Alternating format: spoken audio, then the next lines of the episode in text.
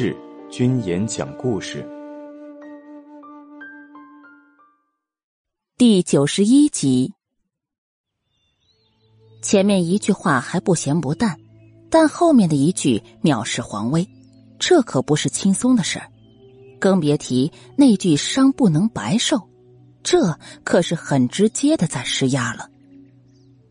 楚皇自然是听明白了楚天阙话中的意思，瞪了他一眼，却见他懒洋洋的回了一个眼神，心里顿时明白了几分。想来受伤只是个幌子，想要他这个父皇替他出头才是真的。轻哼一声，楚皇再次板起脸，大声的喝问了一声：“荣成何在？”微臣在。身着明蓝色官服的荣成从文官中走出来，拱手回答后，便安静的等候着皇上的下文。三王爷说，昨晚的刺客尸体都交由大理寺查验了。你这个大理寺少卿，可有查出个什么来？启禀皇上，昨晚的刺客，微臣已经全部清查过，所有的刺客服从统一调配。且每个人的左心房处都纹有雄鹰，现已排除江湖杀手组织，其余的倒仍在调查之中，请皇上明鉴。荣成的声音低缓，不掺杂任何私人情绪，他只是将自己调查到的信息说了出来。至于结果，他并没有预测，也不带任何的指向性，像是一切都听从皇上指挥似的。楚皇暗暗点头。眼前的荣家嫡长孙，行为规范都让他极为满意。百年将门出了个文臣，这对于为帝者来说并不算是坏事。服从统一调配，又在左心房处纹有雄鹰，那么会是什么人？楚皇轻轻呢喃，楚天阙则是似笑非笑的看着楚逸轩，然后拔高声音问道。听说六弟自小便喜欢雄鹰，连诸多私人物品上都绣着神态各异的雄鹰。不知六王爷对昨晚的刺杀有何看法？三哥这话是何意？可是认为昨晚的刺客是本王派去的。从楚天阙提起昨晚的刺杀开始，楚逸轩整个人就处于一种高度紧张的情绪中。此刻行动失败的死士已经全部死亡，楚天阙手里是肯定没有活的人证了。这样一来，那他自然也就没有什么好怕的。楚天阙原本就没想着依着几具尸体判了楚逸轩的罪，他要的只是在父皇心里埋下怀疑的种子。而此时，父皇一脸阴直的盯着楚逸轩。这便说明他要的目的已经达到了。想不到六弟还挺有自知之明的嘛！本王还就是怀疑是你六弟动的手了。毕竟这满京城的，也就只有六弟你看本王不顺眼，恨不得除了本王以绝后患。楚天阙的直白让楚逸轩白了脸，但他不敢与楚天阙硬碰硬。因为这煞神可是什么话都说得出来的，于是他转身看向龙椅上的父皇，极为诚挚的为自己洗白。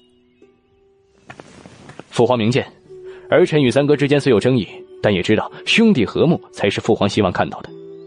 儿臣不敢对三哥心生怨念，更不敢对三哥心起歹念，还请父皇相信儿臣。哼。你不敢对本王心生怨念，但本王怨念你已久呢。本王向来是有德报德，有怨报怨，今日也是通知你一声，别犯到本王手上。本王的人生里，可没有饶过一次。楚天阙从软轿中坐起来，目光冰冷的看着楚逸轩，他想要报复回去，完全用不着闹到这殿上来。但他更喜欢猫抓老鼠的游戏。老鼠被咬死之前，先被戏耍几回，不是更有趣？志军言讲故事第九十二集。天阙，逸轩可是你弟弟？楚皇眉头紧皱，似乎对楚天阙这样的话很不喜欢。哼，弟弟，父皇先把自己说服了，再来训我吧。冷嘲一声，楚天却翻了个白眼。皇家哪来的兄弟之情？轻敲软轿，四位侍卫再次就位，抬起软轿便往殿外走去。任由龙椅上的楚皇瞪眼发怒，软轿却是直接离开。父皇，三哥他。楚逸轩有心想当着文武百官给楚天阙上上眼药，却被楚皇那阴沉的目光给吓到。六王爷行为失察，纵使属下受受贿赂，罚俸禄半年，且自今日起闭门思过一月，退朝。恨铁不成钢的抛出这么一句话，楚皇怒气冲冲离开，留下满朝文武。楚逸轩怎么也没有想到，原本已经落下帷幕的事情，因为楚天阙的到来，又重新被翻了出来。他恼恨的掐紧了手心，转身见不少的大臣围在一起，议论着三王爷比起六王爷来更受宠的事情。要我说，这三王爷可比六王爷更受宠啊！哼，可不是嘛！要不是受宠，能这么张扬？啊，对啊，对啊，就是。见楚逸轩走近，那些大臣便又立刻闭了嘴。纷纷缩着脖子离开，留下脸黑的能滴出水的楚逸轩站在原地。阙宫里，楚天阙慵懒的躺在院子中的躺椅上，半合着眼眸休息。天童轻手轻脚的进来，在他耳边轻轻禀报：“徐御史手中的那本账册，似乎是今日凌晨被人放在门口的，一同的还有几个名字。”那几个人都是六王爷亲自举荐的，哦，还真是有趣呢。只是不知道这幕后之人到底是谁，与本王的好六弟又有什么深仇大恨呢？楚天阙睁开眼睛，眼里不见丝毫慵懒随意，更像是睡醒的雄狮一般，满是掠夺的霸气。暂时还没有查到放账本之人来何方。但他对六王爷的针对之意倒是明显，今晚可要派人盯着玉师傅。楚天阙随手捏起躺椅旁小鸡上的一块糕点，大拇指和食指轻轻用力，糕点被捏得粉碎。天童在一旁低头不语，跟在王爷身边良久，明白这是王爷在思考问题时常有的举动。不用了，那人不会再出现了。王爷。可是猜到那人是谁了？天童试探的问道。楚天却稍稍愣神，听到天童的禀报时，他脑子里第一时间想起的却是云柯那张小脸。给御史府提供账本的人会是云柯吗？他对老六的那些熟忍和了解，真的是因为师傅蓝衣的述说？楚天却不相信。但云柯对楚逸轩的了解又实在是太过诡异。猜不到，放消息出去，就说本王在花神灯会上遇刺，身受重伤，早朝回来后伤势加重，快要不行了。凉凉的语调里不带丝毫的感情，仿佛是漫不经心，但又像是谋算其中。王爷，你明明……天童想说：“你明明好的很啊，不但没有受丝毫的伤，而且还活蹦乱跳的。”但是这话他可不敢说。嗯。楚天却尾音高抬，似笑非笑的盯着天童，那模样顿时让天童有些毛骨悚然。没有没有，王爷伤重的快要不行了，真的很厉害的。天童赶紧开口。然后睁眼说瞎话。对于天童的识时务，楚天却表示很满意。是君言讲故事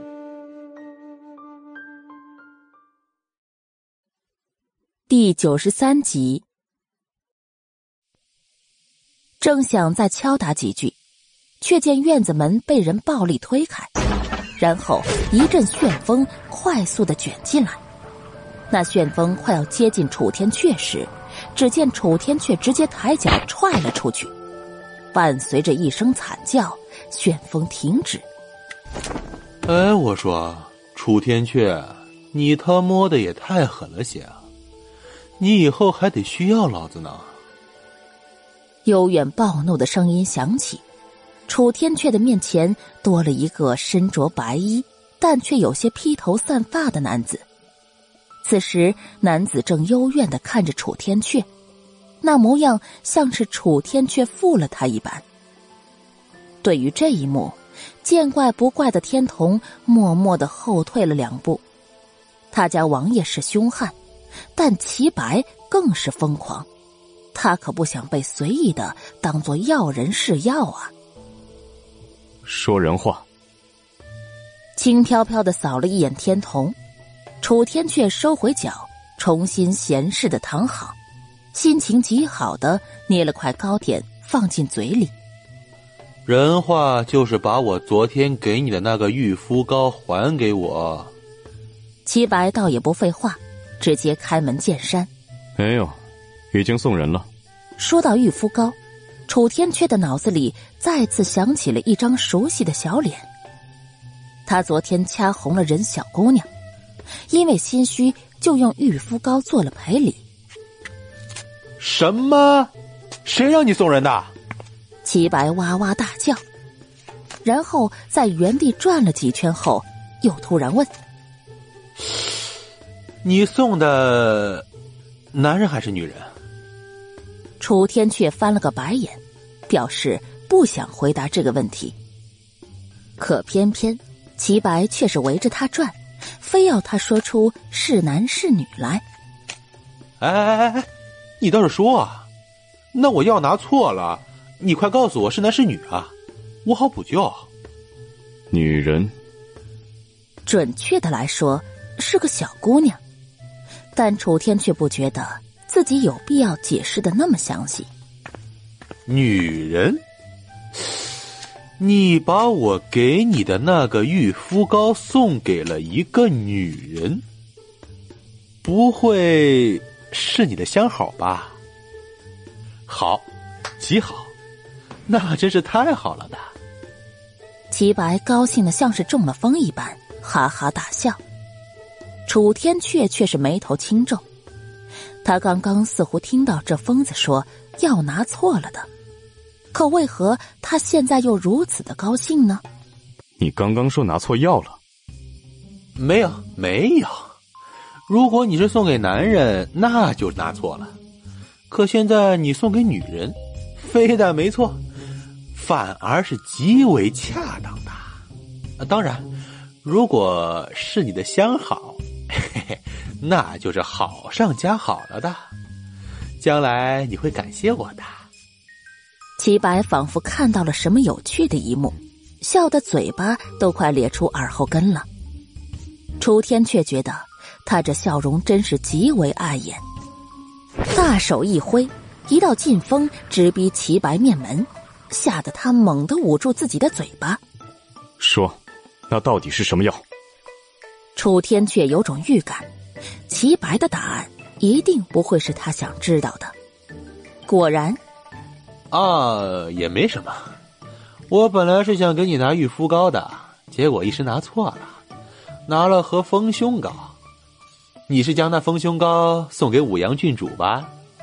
那女人胸部确实是不堪入目。等她用了之后，记得告诉我成效如何，看需不需要再改进一下。齐白的话尚未说完。就见楚天阙像是被嘴里的糕点给噎住了一般，天童吓得赶紧上前替他倒茶。你说你给本王的是什么糕？楚天阙阴冷的问道，那声音仿佛来自地狱一般。可怜齐白并没有发现，依旧在洋洋自得。这是他刚刚想出来的发财之路。这皇宫里女人那么多，如果丰胸膏的效果好，那销量可是杠杠的呀。这么想着，齐白觉得自己真是太伟大了。因为欢喜，所以回答的极为笃定和快速。丰胸膏呀！砰的一声，齐白被一道强风给直接震到了院墙上，体内气血翻涌，受了极为严重的内伤。第九十四集。你又发什么疯啊？哎呦！捂着胸口，痛苦的跌倒在地。齐白依旧不明白自己错在哪里。他跟楚天阙相识多年，说话也向来没个轻重。楚天阙狠狠的瞪了他一眼，耳朵极为快速的红了一下，然后又恢复了常态。该死的，明明是送的玉肤膏，却变成了丰胸膏。那丫头哪里用得着丰胸膏啊？明明才二十岁，但身体就已经有波澜壮阔前兆了。不，这不是重点，重点是如果让小姑娘知道他送的是丰胸膏，那会如何看她？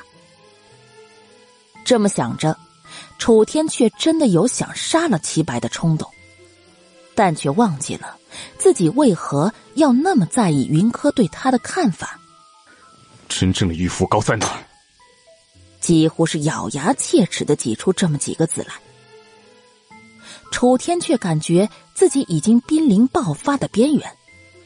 聪明如齐白，这一下自然明白自己是闯祸了，从怀里掏出早就准备好的玉肤膏，抛给楚天阙，直接遁走。看着齐白离开，自感危机意识的天童也赶紧准备开溜。却突然被叫住。天童，你去暗中打听一下，云三小姐是否仍在将军府中。好的，属下明白。莫非王爷你将那丰胸膏送给了云三小姐？止不住一颗八卦的心，天童还是问出了声，却在同时察觉到一股强劲的内力朝自己袭来。在八卦和生命之间，天童果断的选择了生命。走出院子，自觉已经安全的天童不由得啧啧了两声。那云三小姐的确是用不上丰胸膏啊。将军府，云柯起来便听说了早上朝堂上发生的事情，是荣琪听说了消息，特意跑来仙云阁告诉他的。可儿，你是不知道，我听大哥说。当时那六王爷整张脸都是绿的呢。荣琪对楚逸轩无感，因为云柯的原因，更是多了几分厌恶。唉，没想到徐史的那些账本都没能让皇上制裁六王爷，反倒是三王爷的出现让皇上改变了主意。云柯有些感叹，这说明皇上心里对楚逸轩很是看重，但再如何。却还是不及对楚天阙的宠爱。有个念头在云柯脑海里回旋：如果他能拉得楚天阙的支持和帮助，那扳倒楚逸轩，是不是就会更容易些呢？可要与楚天阙联手，不亚于与虎谋皮，风险成倍呀。云柯甩甩头，将这么一个念头给甩出脑袋。继续听荣琪跟他念叨：“哥儿啊，这京城中人，你得罪谁，咱们将军府都能替你周旋一二。唯独这三王爷，你可千万别撞上去啊，那是个混不吝的，连皇上的面子都不给。我们尽量不要招惹他吧。”荣琪说的那叫一个一言难尽，明明是告诫云柯的话。但说出来却是多了几分喜感，想来也就只有他才敢这么评价三王爷了吧？混不吝的，可不是吗？哎，齐哥哥跟三王爷似乎很熟呢。云柯问的意味深长，看向荣琪的目光里有着明显的打趣。荣琪清了清嗓子，莫名的有些心虚，倒不是因为担心云柯胡乱猜测他参加党派之争，只是因为他之前说过，经常跟三王爷一起喝花酒。不太熟，啊，真的，一点都不熟。反悔什么的，一点也不难。荣琪觉得自己还可以发挥的更好。是第九十五集，云柯被荣琪那明明心虚的要命，却偏偏要装的啥也不在乎的模样给逗笑了。嗯，不熟，只是一起喝了几次花酒而已呀。将军府子嗣不丰，齐哥哥还是要注意身体的好。云柯一本正经的说完，但是面上的笑容却是怎么也遮掩不了。荣琪刚喝进嘴里的茶水，却是直接就喷了出来。是谁呀？到底是谁把他亲亲表妹给带坏了的？站出来，他保证不打死他。见荣琪一副见鬼了的模样，云柯却是哈哈大笑。哪里还有半分冷静、不易亲近的模样呢？荣成到仙云阁时看到的就是这么一副景象。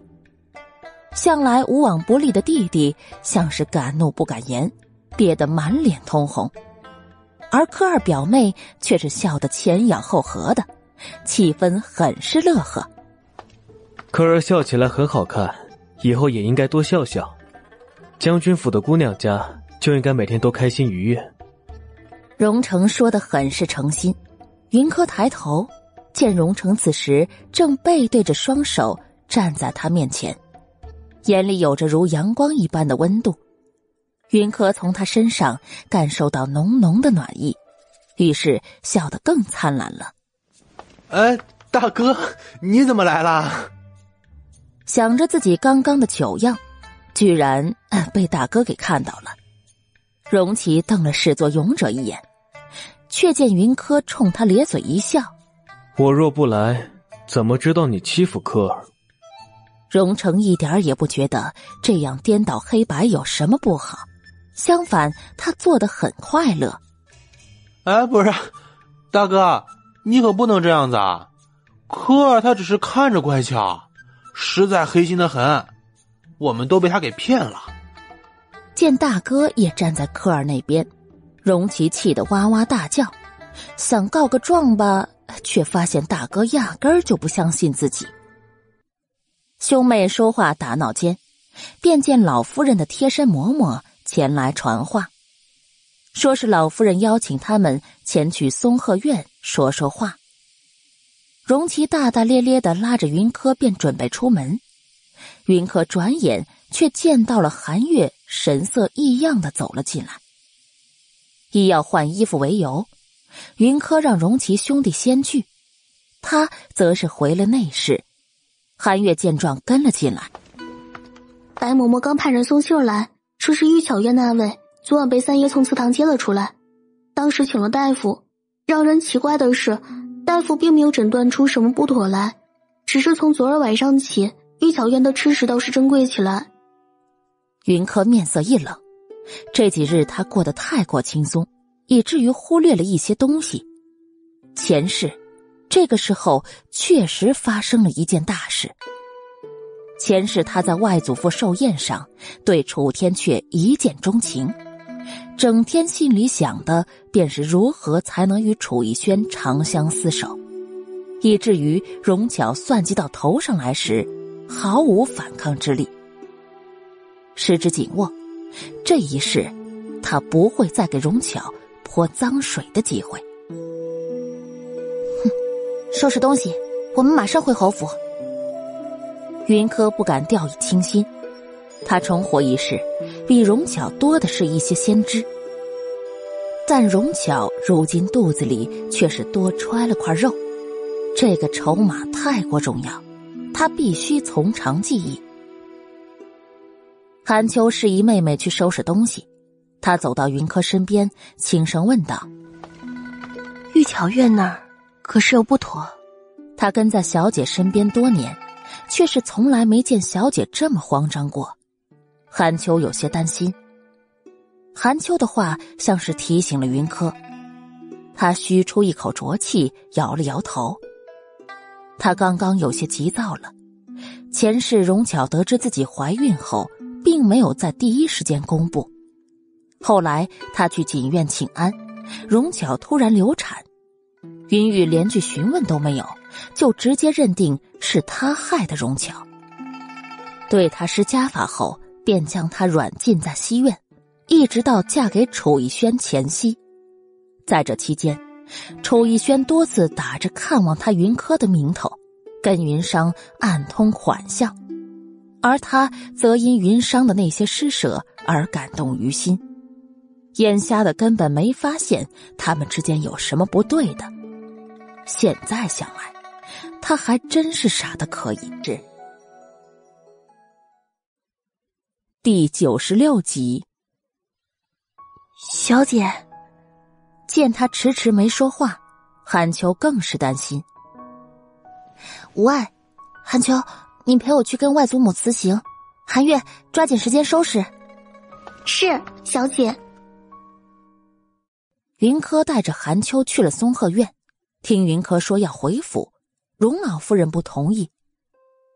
你就安心在将军府住着，我看有谁敢胡说一个字。哎，对啊对啊，你看祖母都发话了，你就安心的住着，等明日哥哥带你去狩猎如何？荣琪听说客人表妹要回去，哪里肯放人呢？大步向前，恨不得将人给绑住就好。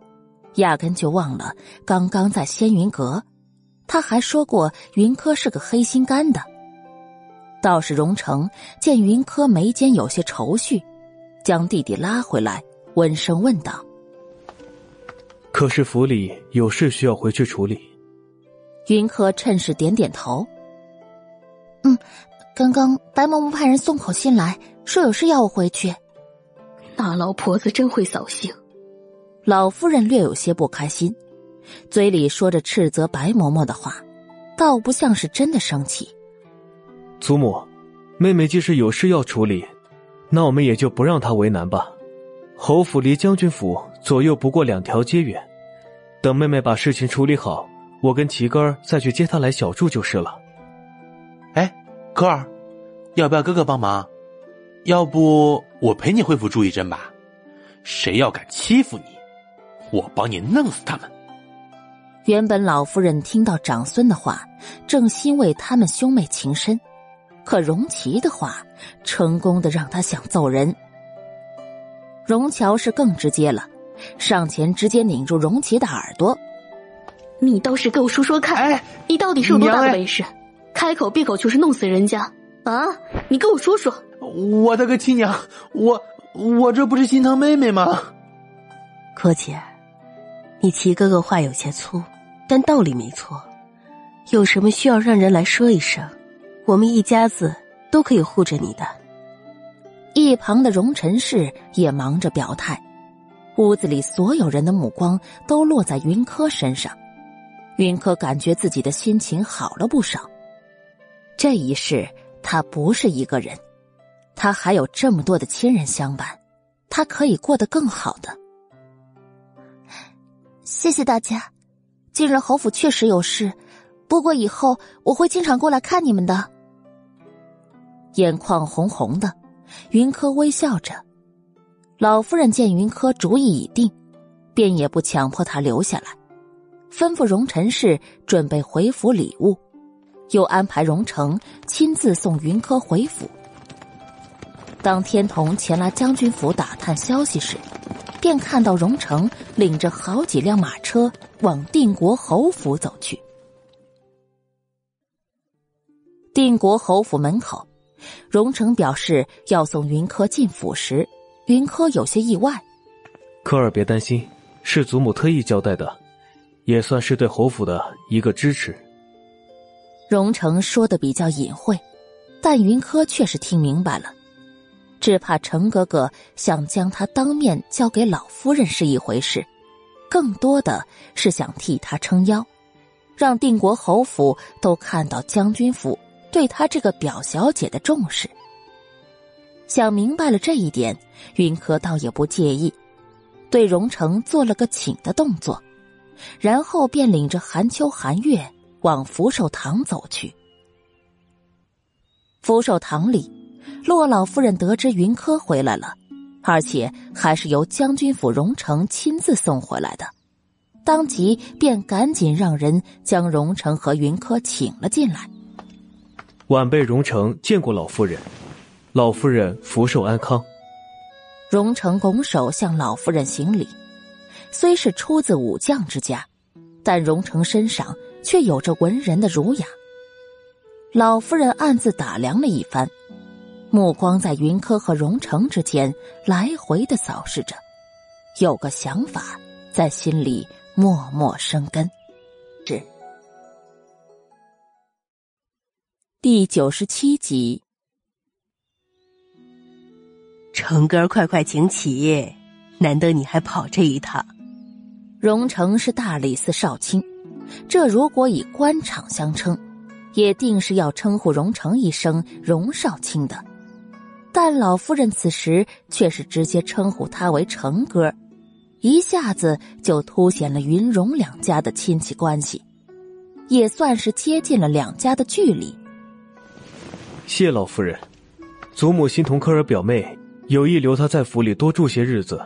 表妹一先顾念老夫人，着急回侯府，祖母不放心，但让荣成相送。如今表妹安全到府，荣成也该告退了。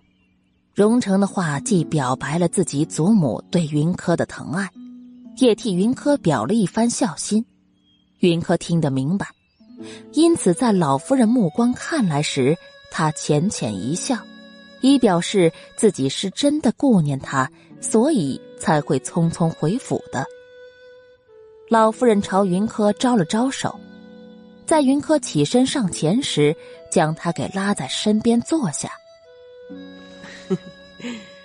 你这孩子，难得去外祖家小住，怎么也得多陪陪大将军他们的。然后将话头转向荣成：“成哥放心，你柯儿妹妹在府里好着呢，有我这老太婆护着，没人敢欺负她的。”荣成明白，老夫人不过是场面上的客套话，但他也还是顺着回复了几句，然后以大理寺里有事要办，便离开了。在荣成离开后，老夫人拉着云柯问了很多将军府的事情，云柯都一一作答，然后又将荣成送来的珍珠古玩让老夫人先挑了。再回到锦院时。已经是傍晚时分，云柯又挑了几样东西去玉巧院。荣巧对于云柯的突然前来有些意外，但他聪明的没有显示出来，反倒是多次询问将军府的众人，那模样倒像是完全没有发生之前的那些事情，好像他跟云柯可以好成一家人似的。云柯也不戳破他。目光扫向荣巧的房间，发现一些不利于保胎的东西果然都移除了的。说话期间，荣巧的手不知是有意还是无意，总会不自觉的抚上自己的小腹处。云可准备离开，荣巧故作客气起身相送，一颗小小的珠子从云柯的袖间滑落。携着劲风射向荣巧的脚下，一声惊叫后，荣巧的身子就要往前倾，云柯恰到好处的扶住荣巧往前伸的双手，让他免于摔倒。得知安全的下一秒，荣巧直接伸手护住了小腹处。见云柯狐疑的目光朝他看来，他又快速的放开。屋子里湿滑，姨娘还是要注意安全的好。云柯声音清冷，心里已经确定，此时荣巧是真的怀疑了，但并没有下定决心借此栽赃于他。多谢柯姐，不然姨娘今天啊又要摔个大跟头了。这对镯子就当谢礼送给柯姐吧。劫后余生的荣巧，当即从手腕上退下一对金镶玉的镯子给云柯。见云柯并没有伸手去接，他又讪讪的道：“嗨，瞧我也真是的，柯姐儿从将军府回来，那里好东西可多着呢。姨娘还请慎言，将军府所有的好东西都是皇上御赐，岂可轻易送人？”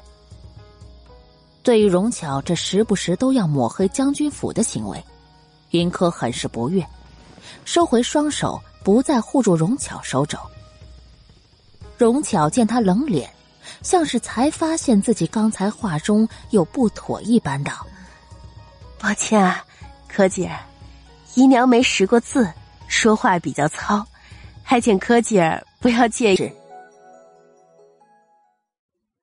第九十八集。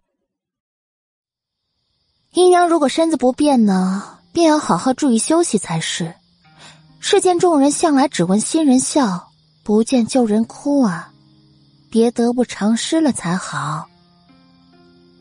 荣巧一愣，有些心虚的看了一眼云柯，但见云柯目光清冷，并没有泄露过多的情绪来，总觉得云柯这话似乎别有深意，但又想不出具体的意思来。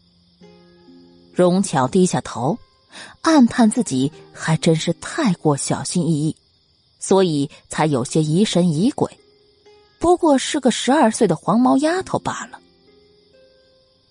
云柯见荣巧松了一口气的模样，冷笑几声，不想再多说废话，转身离开。荣巧目光阴直的看着云柯的身影消失在院门口。转头问向一直没说话的玉嬷嬷：“依嬷嬷看，云柯这贱蹄子，可是知道了什么？我总觉得他回来的太过凑巧。这府里是不是有他的眼线啊？”听福寿堂的人说，三小姐是因为太过想念老夫人，所以才不顾将军府的盛情挽留，着急回府来。至于眼线，我们三房可都掌握在夫人你的手里，那锦院里不也都在夫人的眼皮子底下吗？玉嬷嬷的话算是让荣巧静下心来。也对，云柯她只是个娘死爹不疼的小丫头片子，现在虽然有将军府疼爱，但日后她生下儿子，被扶正为三房正室，就不相信。将军府还会宠着一个没有丝毫用处的小丫头。这么想着，荣巧心情大好。对于荣巧主仆的这些对话，云柯并不知道。他回到锦院，白嬷嬷上前来汇报了这些日子他不在时的一些情况。小姐，依老奴看，那明月。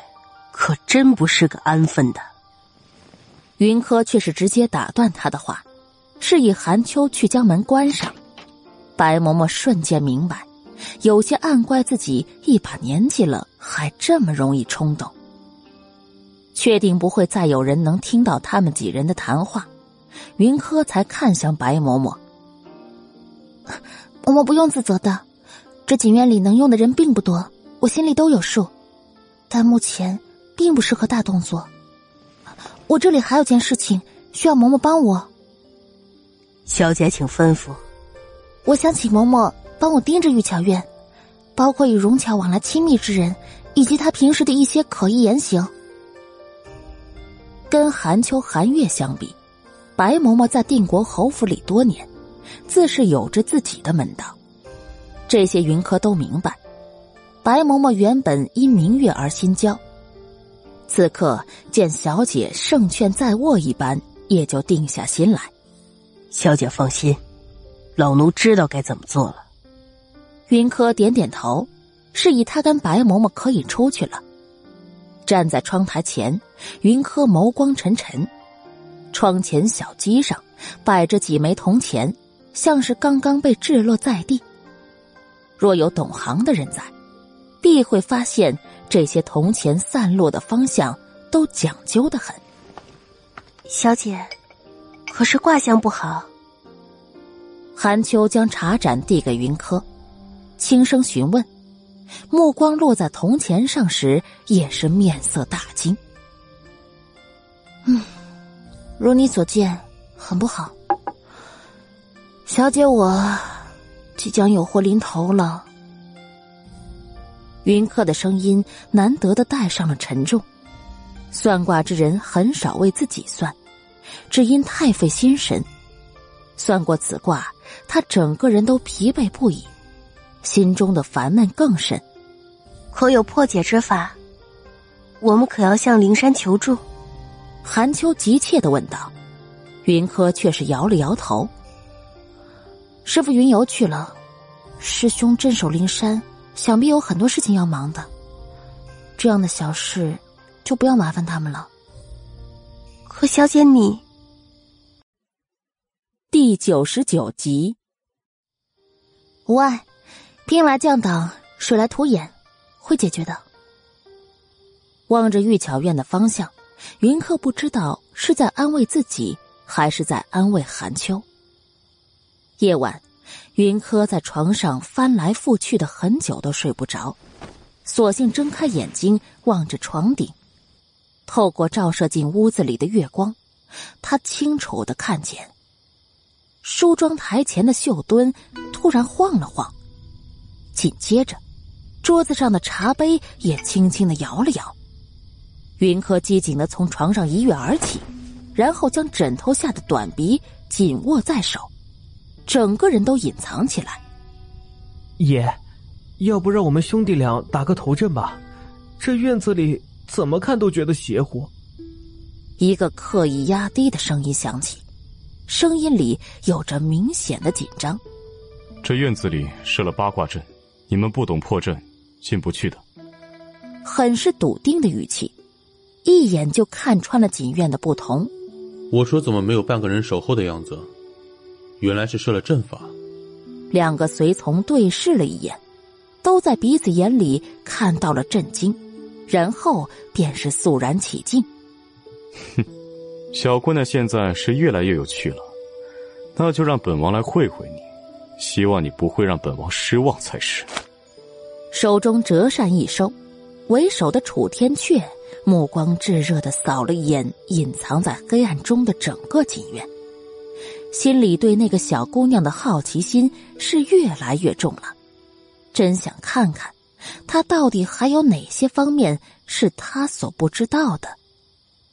楚天却收敛玩笑的神思，抬脚踏入院门，脚落下的一瞬间，楚天却便发现了阵在变化，阵中有阵，以阵养阵。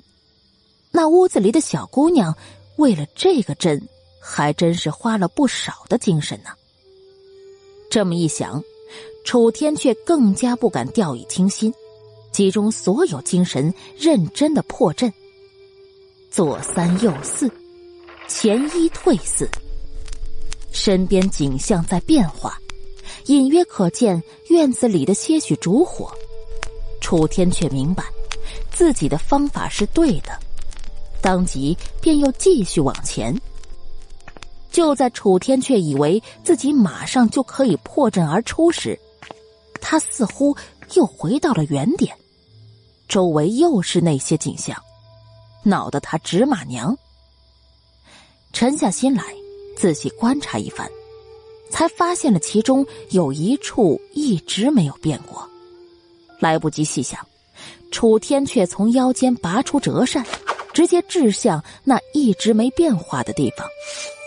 一声砰之后，阵眼像是突然被打开了一般，眼前完全开阔起来。他此时正站在院子中间。在他的面前，便是小姑娘的阁楼。仔细的分辨一会儿，楚天却并没有听见异常的生动响声，只当自己并没有惊动任何人，想摇摇折扇显摆一下，发现刚刚将折扇丢了出去，此时手里空空。叹了一声，楚天却扫了一眼那长长的楼梯，直接一跃而上。在推门而入时，他默了一会儿，脑子里莫名的出现几个字：如果被小姑娘发现他夜探锦院，会怎么对他呢？可是，一想到齐白那个蠢货犯的低级错误，他便又觉得肝疼。哎，罢了，早进早出，将真正的御夫膏给换上，便赶紧出来，最好是不惊动小姑娘。在来人落到阁楼上时，云柯便发现了，他自然记得自己在锦院设了阵法，阵眼就是他的房间，阵法并不简单。即使是寒秋寒月，如果不按照他教的步伐来走，也会迷失在里面。可来人却是瞬间就破了他的阵，而且还不损一物，这让云柯心头警铃大作，左手的匕首握得死紧，右手上三根银针冒着森森寒光。第一百集，只是那人进屋后。并不是直奔床榻，而是在他屋子里的各个柜子里翻找。云柯眼底闪过不解。来人翻遍整个屋子，依旧没有找到自己想要的东西，然后便朝床边走去。被子被掀开的瞬间，云柯的银针出手，直逼来人背上几大要穴。楚天却进屋翻了一圈都没有找到自己那天送出的假玉肤膏，正想看看是不是被小姑娘给藏在床上了，就感觉到危险逼近。月光下，那白晃晃的银针让人惊心。避开银针的同时，楚天却也看到了云柯冷若冰霜的小脸，以及雪白绸缎下若隐若现的女子身体。只是还没来得及看仔细呢，便见小姑娘手持匕首朝他猛刺了过来。楚天却闪身避开，一时作死不忘回头看了一眼小姑娘，恰好看到小姑娘微敞的衣领里似乎有东西跳跃了几下，直觉的吞了一口口水，然后就被小姑娘给扫横腿扫倒在地。眼见着那冒着寒光的匕首朝自己刺来，楚天却只得出声道：“本王有话要说。”可即便是他出声制止了，小姑娘的匕首却是以更为刁钻的角度朝他刺来。很显然，小姑娘这是想将他给往死里整。楚天却自然不可能乖乖就范，一个鲤鱼打挺，便从地上跃起。大长腿更是直接踢向云柯持匕首的手腕。小姑娘或许身手不错，但终究只有十二岁，在重力的袭击下，匕首脱手，整个人都有些往后仰。担心小姑娘会摔倒在地，楚天却条件反射下，直接将人给搂着带进了自己的怀里。馨香袭来。楚天却感觉自己被熏得有些晕陶陶的，手不由自主的想收紧，想将人再抱一会儿。可小姑娘却是在瞬间出手，直接一个响亮的巴掌拍在他的脸上，发出清脆的响声。趁着楚天却愣神的瞬间，云柯双手用力推开他，直接退出了楚天阙的双手范围内。堂堂三王爷，却学着人家采花大盗夜探女子闺房，难不成不知道“羞耻”二字如何写吗？云柯很生气，看向楚天阙的目光比三九天的温度还要冷。楚天阙捂着被打的脸，一言难尽。若放在平时，他肯定就直接将打他的人给捏碎了。可这会儿他却是有些心虚，他夜探香闺是事实，抱了人家小姑娘也是事实。有意想反驳，却又不知从何说起。目光悄悄的看向小姑娘，却发现小姑娘此时气得整个人都有些发抖。这么一看呢，楚天却便更心虚了，以至于压根就忘记了替自己辩驳。他并不是不知羞耻的采花大盗啊！三王爷莫不是以为云客无父母庇护，就可以随意的欺辱了不成？小姑娘明明委屈的红了眼眶，可那清凌凌的目光就是不肯示弱半分。本王没想欺负你，本王只是过来找样东西，你把那东西拿出来，本王立马就走。假咳两声。楚天却有些不太习惯，若有似无的目光一直都交在小姑娘的身上，发现即便是身着宽大的洁白绸缎睡衣，可小姑娘的身段依旧发育的很好。这么一想，他就觉得自己全身都热乎乎的。那些若有似无的目光让云柯脸上更冷。如果不是考虑到实力相差悬殊，他一定直接阉了他。深吸一口气，云柯转身背着楚天阙，直接下逐客令：“我这里并没有王爷要的东西，还请王爷速速离开。”第一百零一集，就是那天本王送你的那盒玉肤膏，那个药的作用并不是美颜，这盒才是。你把之前那盒拿出来，本王现在要带走。被人这样当面驱逐，楚天阙的脸色很不好看，在心里将齐白那货又给狠狠的骂了一顿，然后从怀里掏出真正的玉肤膏来，想递到云柯的手里，可小姑娘此刻却压根儿不想多看他一眼。哼，原来三王爷不光是个不知羞耻的登徒子。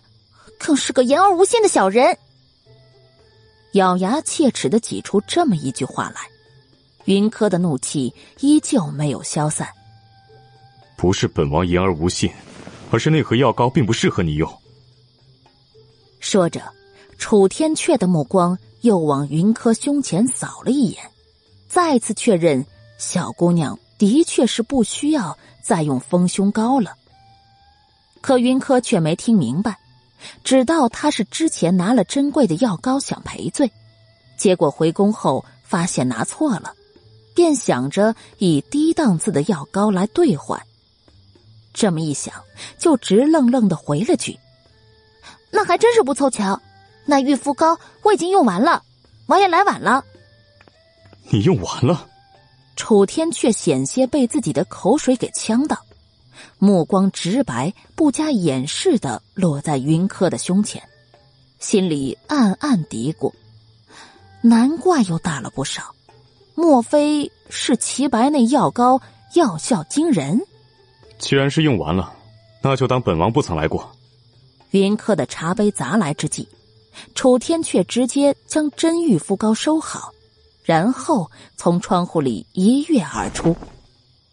韩秋、韩月听到响声，起床披衣而来，见云柯光着脚踩在地上，整个人的脸色都不太好，房间里更是混乱不堪。奴婢该死，请小姐责罚。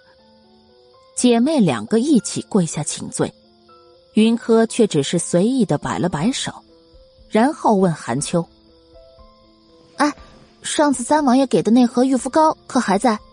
还在的，小姐请稍后，奴婢去库房拿。云柯点点头，等韩秋从库房里找来，便让韩秋当场验一下药膏的成分。韩秋照办，只是打开玉肤膏的刹那，韩秋便眉头紧皱，又从盒里挑了些许的出来，放在鼻尖细细嗅过，最后则是羞红了脸。一副欲言又止的模样。可是这玉肤膏不妥。云柯想着，刚刚楚天阙可是说药膏拿错了，面色沉了下来。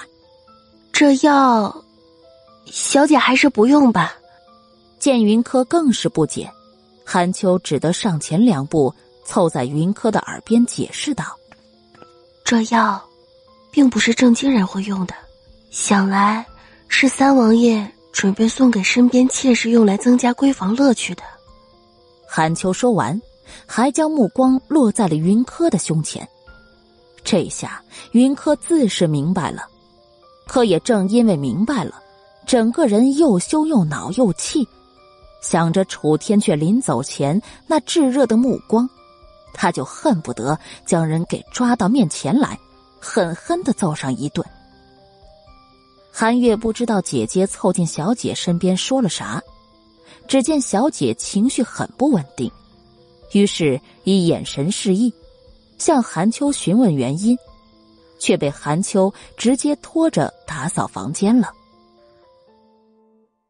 锦院外，天卓、天童二人看着自家王爷有些狼狈的窜出来，默默的在心里脑补着：那云三小姐不但是阵法厉害，就连功夫也是超级厉害的。不然怎么就能将他们家王爷给拿下，并且吓跑呢？王爷，可拿回药膏了？天童不怕死的问，眼里是对八卦天生的敏感。第一百零二集，楚天却整个人的神思还沉浸在小姑娘的那句“已经用完了”中。小姑娘说用完了，一盒药膏怎么说？也得是好几天的量啊！小姑娘是真一下子用完了，还是哄骗她的呢？王爷，王爷！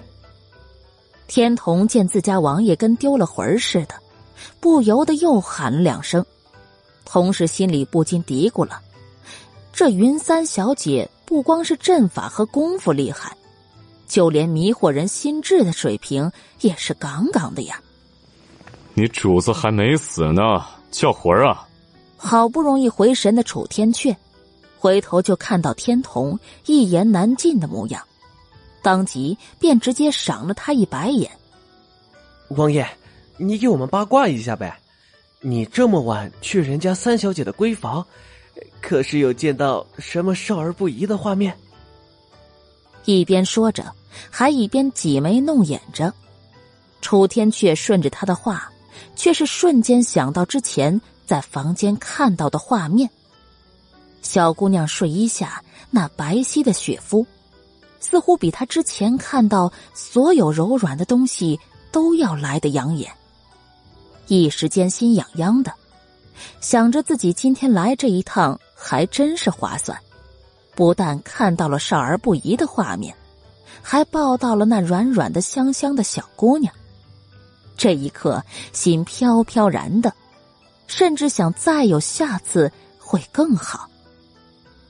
天童可是时刻都关注着身边主子脸上的表情，见他此刻一副春心荡漾的模样，不由得撞了撞身边天卓的手臂，示意他一起见证。如果他刚刚没有看错的话，他家王爷似乎刚刚脸红了。虽然时间极短，但他还是看到了。啧啧两声，天童跟天卓小声的议论着：“我们是不是很快就会有女主人了？”天卓闻言，又抬头看了眼院子里已经亮起烛火的房间，欲言又止。天童，本王觉得马厩需要打扫一下了，你觉得呢？已经恢复常态的楚天阙，似笑非笑的盯着天童。王爷，我错了。他不想去打扫马厩，真的不想啊，那会累死人的。他错了还不行吗？可是对于他的无声请求，楚天阙却是冷哼一声：“哼，三天，本王要看到一尘不染的马厩。”天童哀嚎。天卓却是再次回看了一眼锦院，思考再三，问道：“王爷可是想通过云三小姐拉拢将军府？”不同于天童的跳脱性子，天卓更为冷静。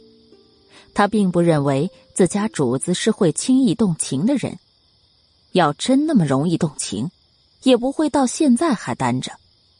那云三小姐美则美矣，但主子以往见过比她更出众的女子。楚天却往前的步子一顿，回头意味深长的看了天卓一眼，面色有些不愉。本王做事，何时需要利用女人了？若王爷不是想利用云三小姐拉拢将军府，那武阳郡主会是一个更合适的三王妃人选。武阳郡主的身后是洛王府，洛王府如今虽然不像将军府那样手握兵权，但在大楚朝的影响力还是不容小觑的。天卓说的很冷静，但楚天阙却是完全沉下脸来，一甩衣袖，凑近天卓两分。天卓。你别以为你是母妃派来的，本王就会一直容忍你。本王的事情，容不得你智慧。属下也是为王爷你考虑。武阳郡主身后的洛王府。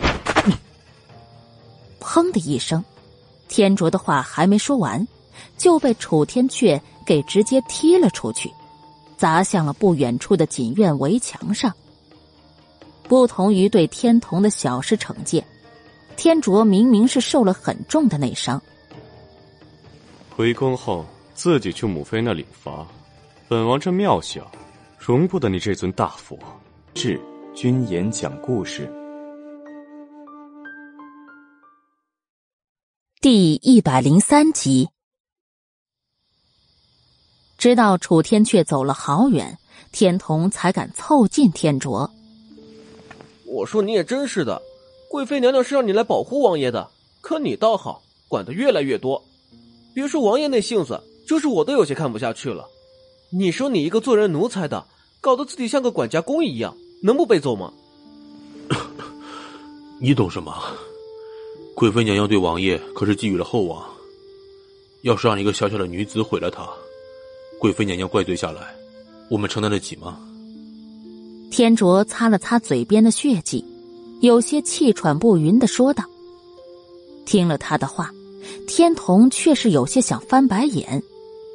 你亲眼见过云三小姐毁王爷了吗？完全没影的事，你也敢乱猜？依我看，王爷这一脚踢的还是太轻了，真应该把你的脑子给踢开，看看里面装的到底是什么。”我，天卓想说：“你刚刚不还说要迎来女主人了吗？”可见天童一脸看白痴似的看着他，当即便有些气短，闭嘴不再说话。王爷说的没错，你还是回贵妃娘娘身边去吧。你这性子，我真担心哪天王爷一时没忍住，会直接捏死你。跟在王爷身边这么久，你都还没看明白？你有见过王爷怕过谁吗？哪怕是万岁爷，也都还得顺着王爷的性子来。你一小小的奴才。简直是死不足惜。天童说完，便鄙视的看了一眼天卓，赶紧跟上楚天阙的步伐，留在天卓一人紧握拳头，面色阴沉。新的一天到来，云柯撑开沉重的眼皮醒来，唤韩秋来伺候他洗漱。小姐。你再多睡一会儿吧，这天还早着呢。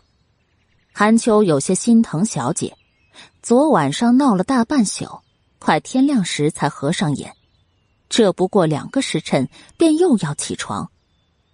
云柯却是摇了摇头，坚持从床上起来，坐在梳妆台前。我们早些去福寿堂，脸色差就替我多擦些粉吧。他昨日从将军府回来。还只去福寿堂和玉巧院。大房的人还打过照面的，他相信经过这么多天的沉淀，他的那位好堂姐一定有很多的话要跟他说的。见他如此的坚持，韩秋也不敢多言，手脚麻利的替他镜面梳妆。当云柯到福寿堂时，李氏带着一双儿女已经到了好一会儿了。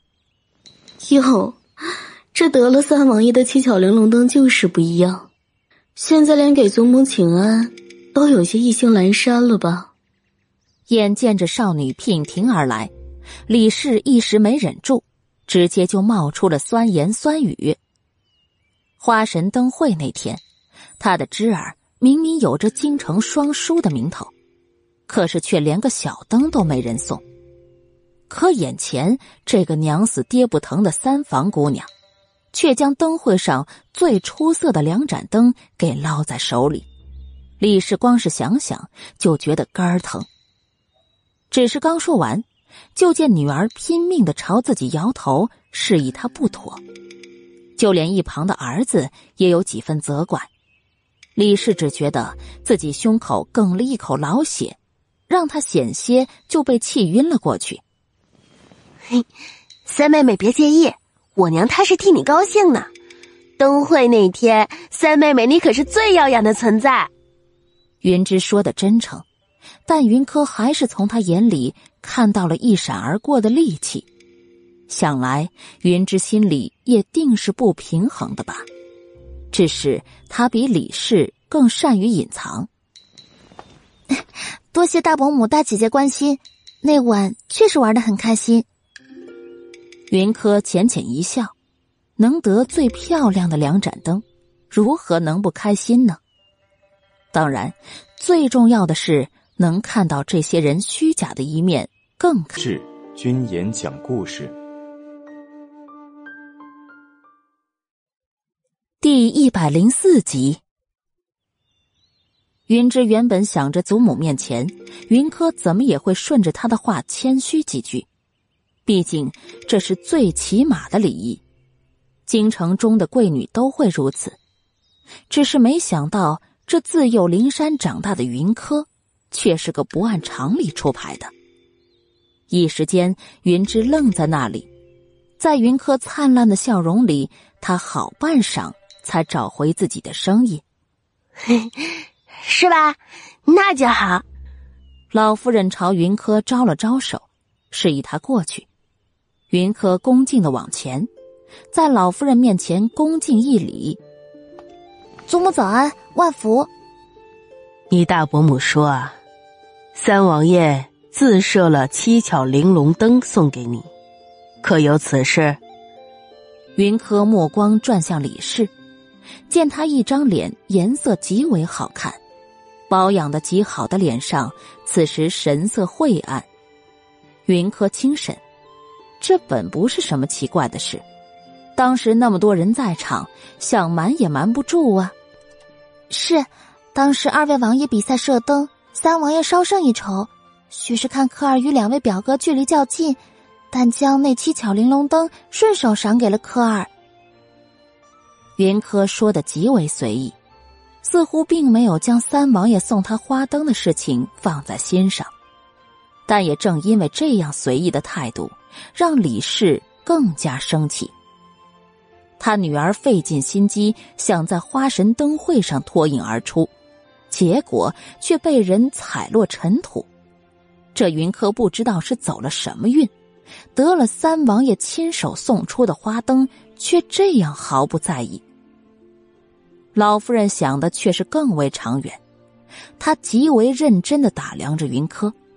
想从他脸上分辨出来，他到底是真不在意还是装的。看了许久，都没能从云柯脸上看出不妥来，便也想着，或许正如云柯所说，三王爷送他花灯，只是因为他们离得最近，又因为荣家兄弟在场。嗯，你能这么想，自是好的。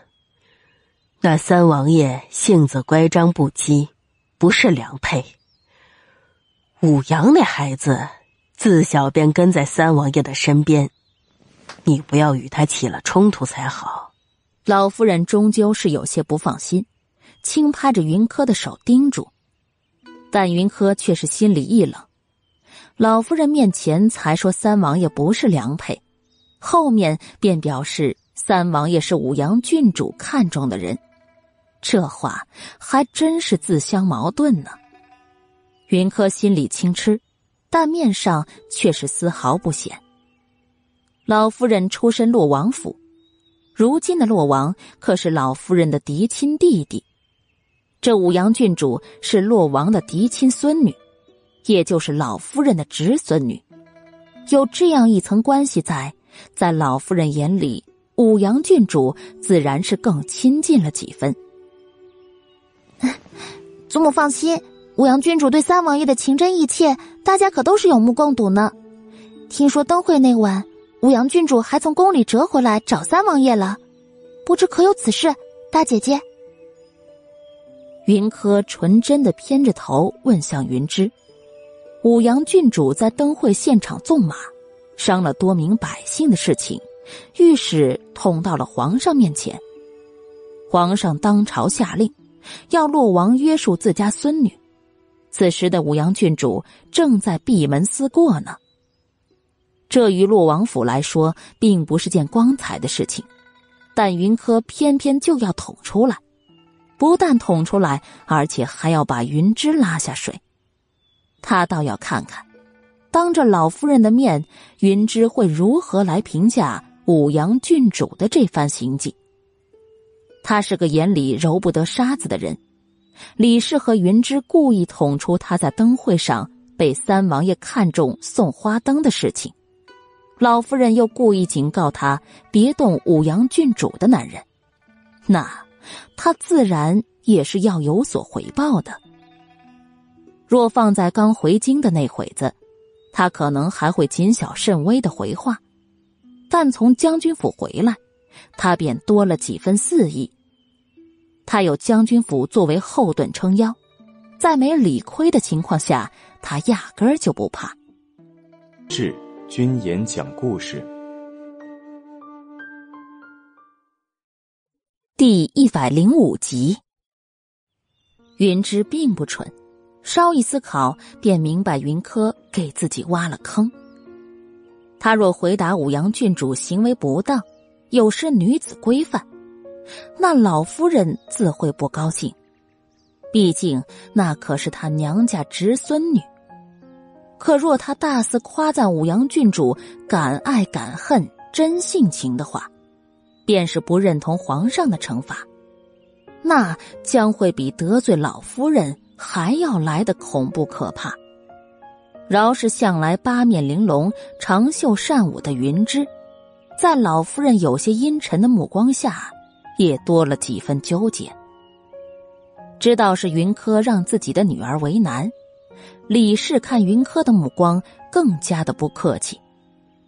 但云柯却是丝毫不在意，依旧浅笑着盯着云芝，似乎在等他的答案一般。三妹妹，那晚你大姐姐不太舒服，我便提前领她回府了。后面发生了什么事情，我们并不知情。见自己妹妹纠结为难，云州不得不站出来。见此，云芝极为迅速的顺着这个台阶下来。对啊，你说的五阳郡主从宫里折回，我们并没有看见，不知三妹妹是如何知晓的？云柯轻轻的看了云芝一眼，他是想将这皮球又踢回来吗？是程表哥告诉我的。他是大理寺少卿，当晚在善后。如此响亮的回答，云柯说的很流利。老夫人再不悦，也不能将此事迁怒到将军府头上。见云柯轻轻松松的就将话题给终结，云芝拢在袖子里的手死掐着自己手心。这么多年来，定国侯府里，他向来是高高在上的。二房云染不在京城，三房云商心智计谋都不及他，云柯根本就不在他的算计范围内。有着京城双叔的名头在，他向来是过得极顺遂的。但这个突然回府的云柯，却是让他感受到了危机。想起花灯会那天，秦如派人告诉他的话，云芝心里翻涌着。不行，这才是定国侯府的嫡小姐，从小父母都将她王妃培养的，她自己的一言一行也都是以同等的标准要求的。比不上秦如，他认；但若说他比不上云柯一个从小长在乡野的孤女，他无论如何也不会认的。正想说些什么来挽救自己的形象，却有容巧身边的玉嬷嬷来报，说是巧夫人身子不适，四小姐孝顺正在姨娘跟前伺候，母女二人不能来福寿堂请安了。玉嬷嬷刚一说完，云柯就直接接话：“啊，四妹妹糊涂啊！巧姨娘身子有恙，自得请大夫去看的。”四妹妹年幼，难免会过了病气。柯姐说的没错，可有请大夫查看？面对老夫人的询问，玉嬷嬷瞪了云柯一眼，怪他的多事。但好在来时便想好了台词，这会儿倒是也不慌乱，赶紧说道：“夫人说并不是大病，只需休整便好。”老夫人面色冷淡，似有几分不悦。云柯将老夫人的神情看在眼里，上前两步，极为认真的看着玉嬷嬷。姨娘糊涂，玉嬷嬷也糊涂了，不成吗？各房每日到祖母这里晨昏定省是规矩，岂能因为身子需要休整就不来请安呢？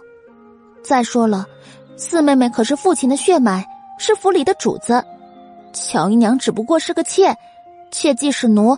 哪有主子小姐给妾侍级的？这要是让人知道，那日后大伯和父亲出门，岂不是得被人指指点点啊？骆老夫人平时对后辈要求极为严格，不论是府里的侍妾通房，还是各房孙辈，都不敢逾越半步。但偏偏荣巧仗着云玉的喜爱，经常迟来或者不来。之前因为没有捅破，他倒也没有多加计较。此时被云柯捅破，他要是太过随意的接过，这日后府里乱了规矩，可就不好了。再说，云柯刚刚说的也不无道理。老夫人并不想让定国侯府因为一个妾室而让人诟病。志君言讲故事。第一百零六集，柯姐说的没错，小荣氏这身子越发的金贵了。也罢，既然她身子不舒服，不能来给我这老婆子请安，那我便去看看她。我倒要看看是什么样的病，病得连请安都来不了。老夫人，不用不用。玉嬷嬷哪里想到？原本只不过是跑个腿，说明一下情况，就会发展到这一步，当即吓得连连摆手，示意老夫人不用去玉巧院。可云柯岂会有让他反悔的机会？直接钳制住玉嬷嬷摆动的手，厉声训斥道：“玉嬷嬷这是何意？可是担心会露馅，所以才不让祖母前去查看。”老奴不敢。玉嬷嬷借着跪下的姿势，将自己的手从云柯的手里给抽回，低头便见自己的手腕已经青色泛紫，可以想象，刚刚三小姐的劲道有多大。既是不敢，那便前头领路吧。老夫人起身，云柯和张嬷嬷一人一边，扶着她往三房走去。李氏和云芝母女二人相视一眼，然后也跟上。云舟则是一直盯着云柯的背影，总觉得眼前的三妹妹似乎不一样了，但又觉得身为将军府的表小姐就该是这般模样。三房玉巧院里，荣巧躺靠在床上，云裳正趴在她的肚子上。娘，我怎么听不到弟弟的声音？十二的孩子脸上有着特有的娇憨，眼里冒着的亮光更是让人心情愉悦。荣巧看着他这傻乎乎的模样，笑出声来。哼，你这孩子，这才一个多月呢，哪有那么快啊？你都是四五个月的时候才能感觉到动静呢。轻摸着女儿的头，荣巧笑得满足。等她生下儿子，这三房便真正的掌握在了他的手里。到时候，什么云柯，什么李氏，都不敢再欺他。真希望弟弟快些出来，到时候这府里便没有人再敢欺负我们了。到时候爹再将娘亲扶正，我就是真正的嫡女了。也不用再事事低允可一头，只要娘亲能扶正，那他有没有将军府做外祖家撑腰都不要紧了。定国侯府嫡出小姐的名头，便足以让他趾高气扬了。放心，这一天很快就会到来了。你爹已经答应我了，等你弟弟生下来，就会将我扶正。哼。不过，在这之前，我得先把云柯这颗绊脚石给处理了。这样，你们到时候就会是三房唯一的嫡子嫡女。荣巧声音低沉了两分，对云柯的恨意已经足以让他变得面目憎恶。云商见娘亲没有责备自己，反而是一样的不念云柯的好，当即便高兴起来。老夫人一大群人来到玉巧院时，听到的便是云商和荣巧愉快的笑声。荣巧怎么也没想到，玉嬷嬷会将老夫人带来，何况还有李氏母女和云柯，惊得赶紧从床上下来行礼。却因为一时不小心，薄被裹住了身子，整个人都倾倒在地。荣巧吓得赶紧单手插在地上，即便是如此，他也惊出一身冷汗来。娘，你没事吧？娘。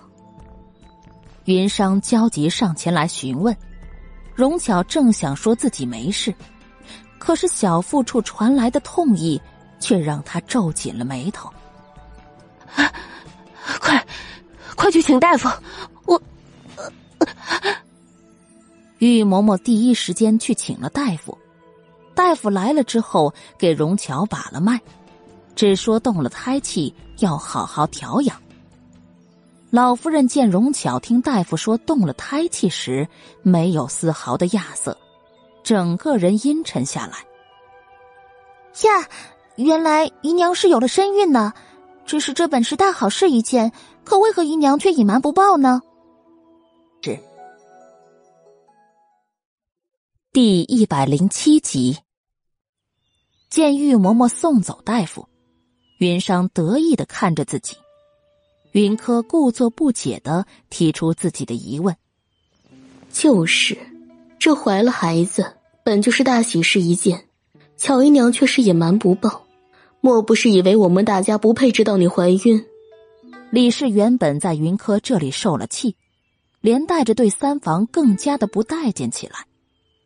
这会儿见荣巧竟然又怀了身孕，当即便更觉得心里泛酸。他一直想再生个儿子，这样将来长子成爵也有人帮衬。可这么多年来，肚子一直没动静。三房示威，全靠大房撑起定国侯府。荣巧生下儿子，母凭子贵被扶正，三房也就等于有了嫡子。老夫人向来宠爱幺子，这样一来，极有可能会压长房一头。这样的情况可不是李氏乐意瞧见的。此时见荣巧只不过月余的身孕，就这么娇贵。更是来了脾气。老夫人明鉴，妾身并没有隐瞒不报，只是想着等月份大些，胎坐稳了，再向老夫人禀报。即便是此刻肚子痛的让她心惊胆战，荣巧也还是跪在地上请罪。老夫人沉默许久，终究是没有再多说什么。吩咐玉巧院的人好好照顾荣巧，便带着张嬷嬷离开了玉巧院。大房、二房都已经嫡子庶子，却唯独三房子嗣不丰。老夫人对荣巧肚子里的这个孩子很看重，只想看着在孩子的份上，他少计较几分。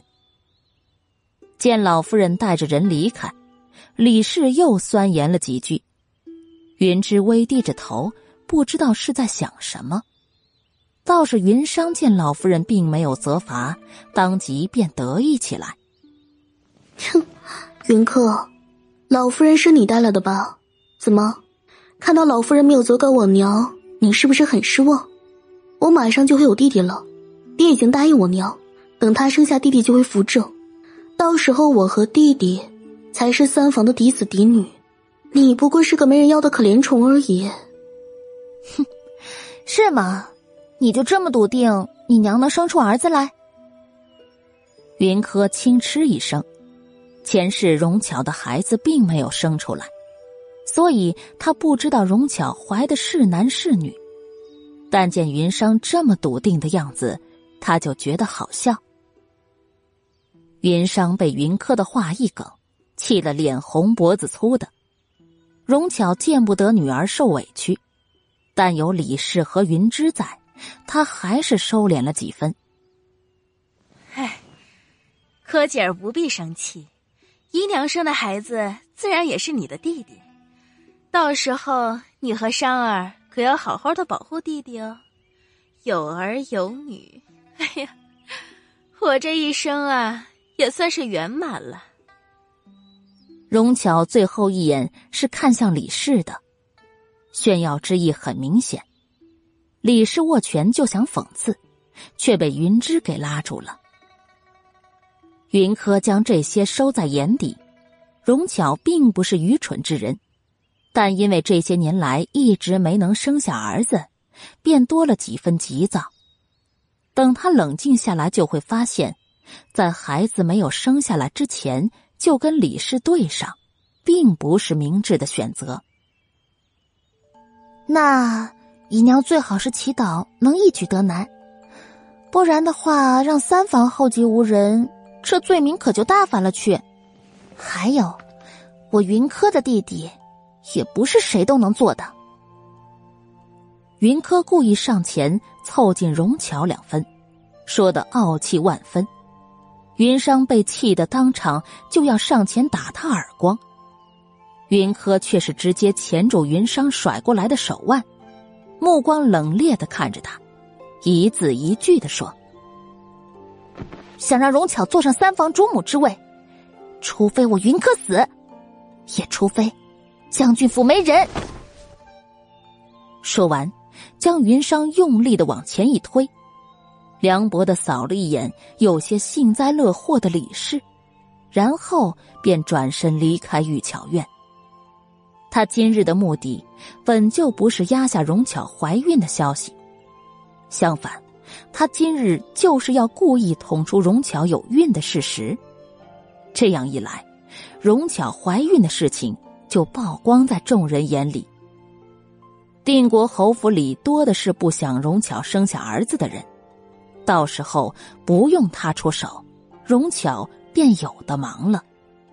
是君言讲故事第一百零八集。哼，三弟妹可要好好休整呢。刚刚三小姐也说了，你要能一举得男是最好的，不然让三房后继无人，可是项大罪名呢。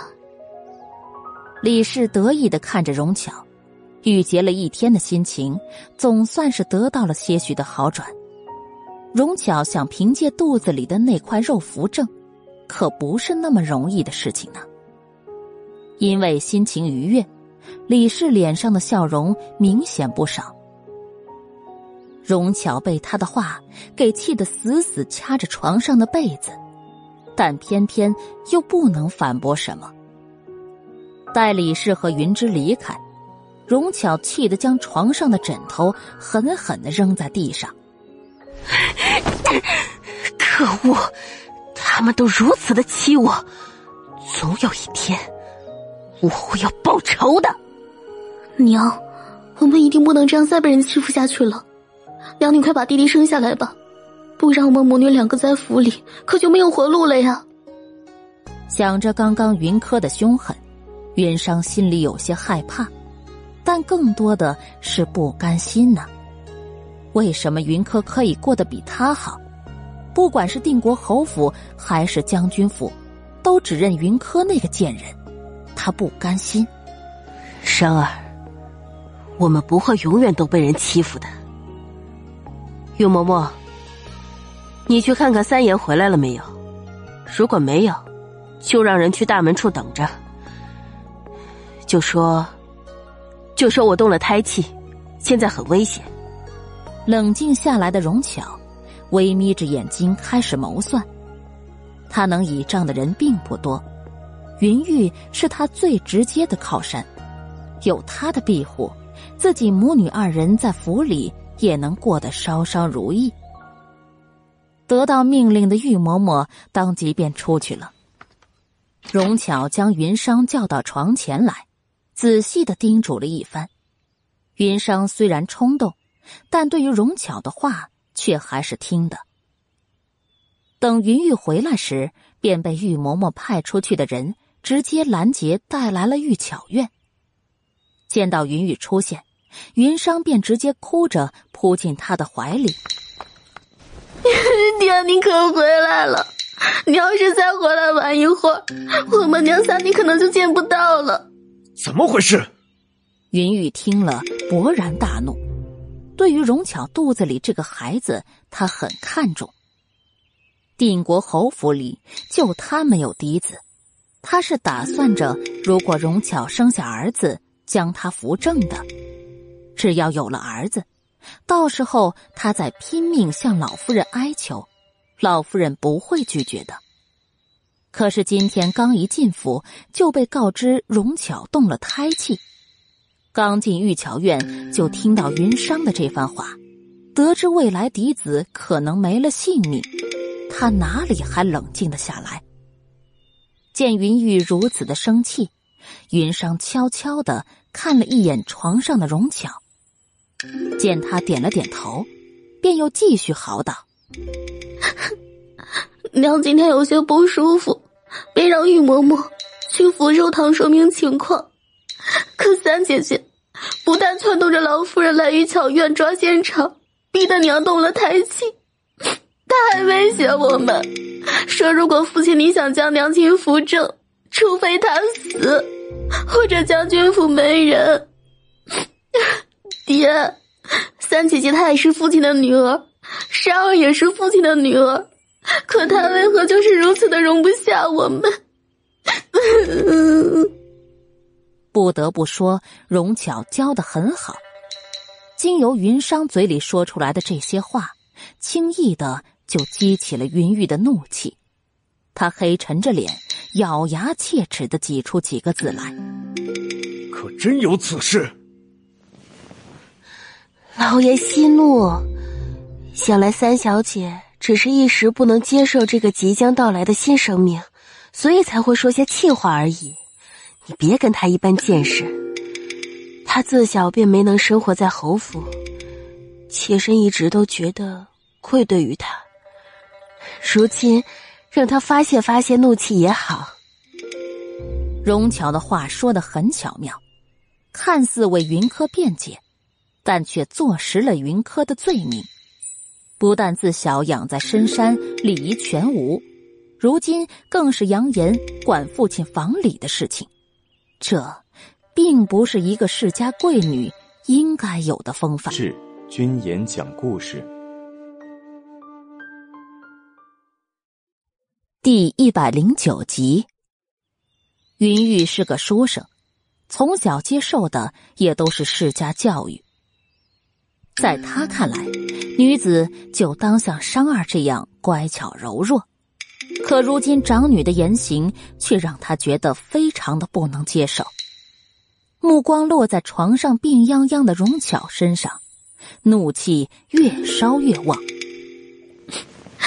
爹，你能不能跟三姐姐说，只要能让年轻让弟弟生下来，珊儿一定乖乖的，不会跟三姐姐争嫡女名头和外祖家的。拽着云玉的衣袖，云裳说的可怜兮兮。向来明艳的五官，此时更是挂满了悲伤，那模样由见由怜。云玉觉得自己体内的保护欲都被激发出来。对呀，云柯虽然自小在境外长大，但他一回京就有将军府撑腰，可商二魔女却只有他可以依靠了。这么一想，云玉更觉得屋子里的母女两个可怜，而云柯自然就成了骄纵不可饶恕的罪人。孽女，看我如何收拾她！云玉大步匆匆的出门，朝锦院而去。云商高兴的快要跳起来，他爹要去教训云柯了，还真是件大快人心的事情呢。不同于云裳的高兴，荣巧却还是有些不放心。锦院里，云柯让韩秋、韩月替他搬了张躺椅，放在院子中的老槐树底下，悠闲的翻阅着书本。阳光暖暖的照在身上，让人心情很好。为了显示自己很重要，明月则是站在云柯的身边，说着一些笑话。韩月嫌他有些聒噪，想让他走开，别影响云柯看书。但云柯却是制止了韩月，留下明月在旁边叽叽喳喳的。当云玉怒气冲冲的来到锦院里，看到的便是槐树下的少女，拿着一本书恬静的看着，而他身边的丫头们或静谧，或跳脱。这样的一幕竟然让他心生向往，仿佛这便是岁月静好。小姐，三爷来了。明月悄声提醒着，云柯抬头却是直接看向明月。云雨会来，早在他的意料之中，但让他意外的却是，此时明月眼里那显而易见的羞涩。这样的神色，云柯有些熟悉，似乎前世每次楚逸轩来看他时，他便会有这样想看又不敢看的别扭。眼波流转间，云柯明白了，心里算计起来。云柯，你就那么容不得你的弟妹们吗？亏你还是灵山蓝衣教养大的。难道他没教你兄友弟恭、家庭和睦吗？云玉没有见到明月眼里的羞涩和爱慕，见云柯一直不抬头正眼看他，云玉便觉得自己心头的怒气更甚，张嘴便是斥责的话，对灵山蓝衣更是没有丝毫的尊敬。啊，韩秋，是哪来的疯狗在乱吠啊？这疯狗不但见人乱吠，而且还是个蔑视皇威的。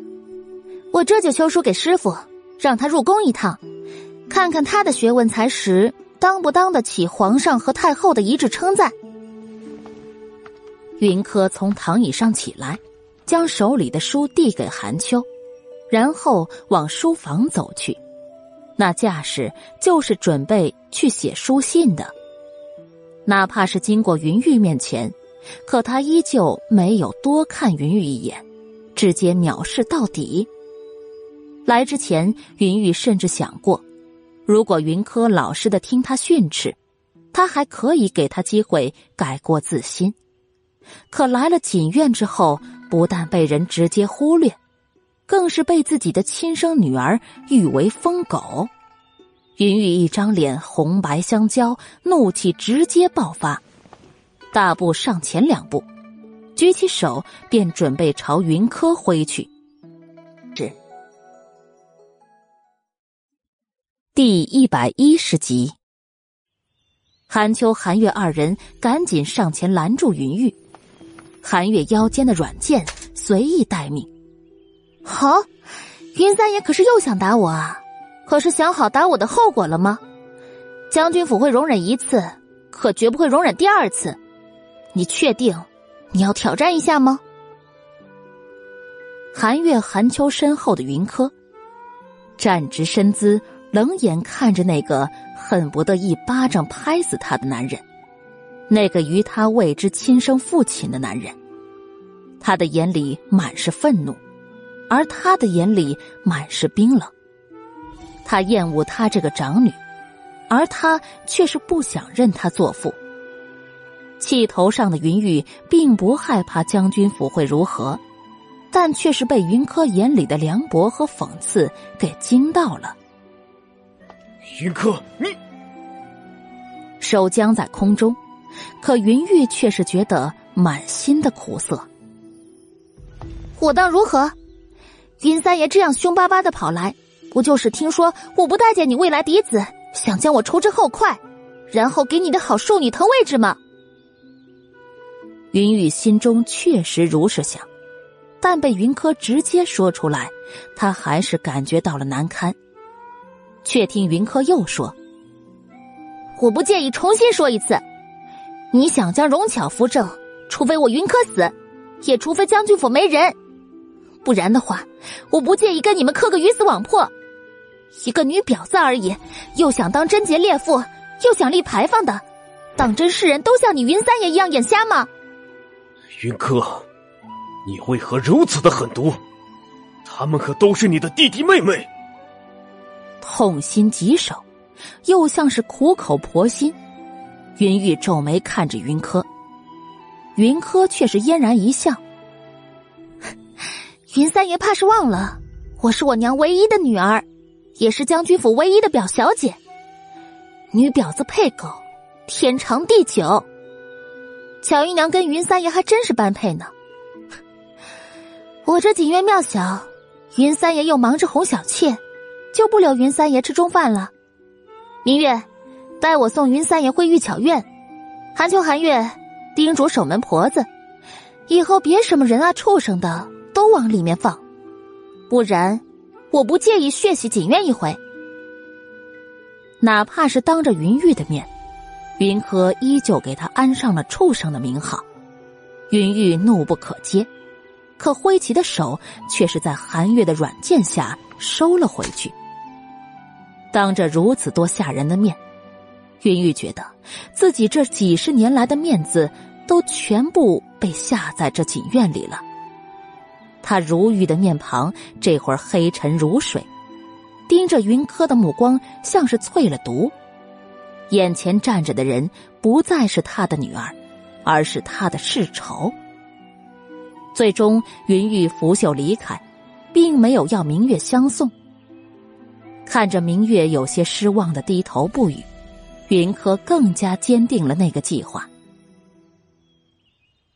云玉从锦院匆匆离开，没有直接去玉巧院，而是去了老夫人的福寿堂。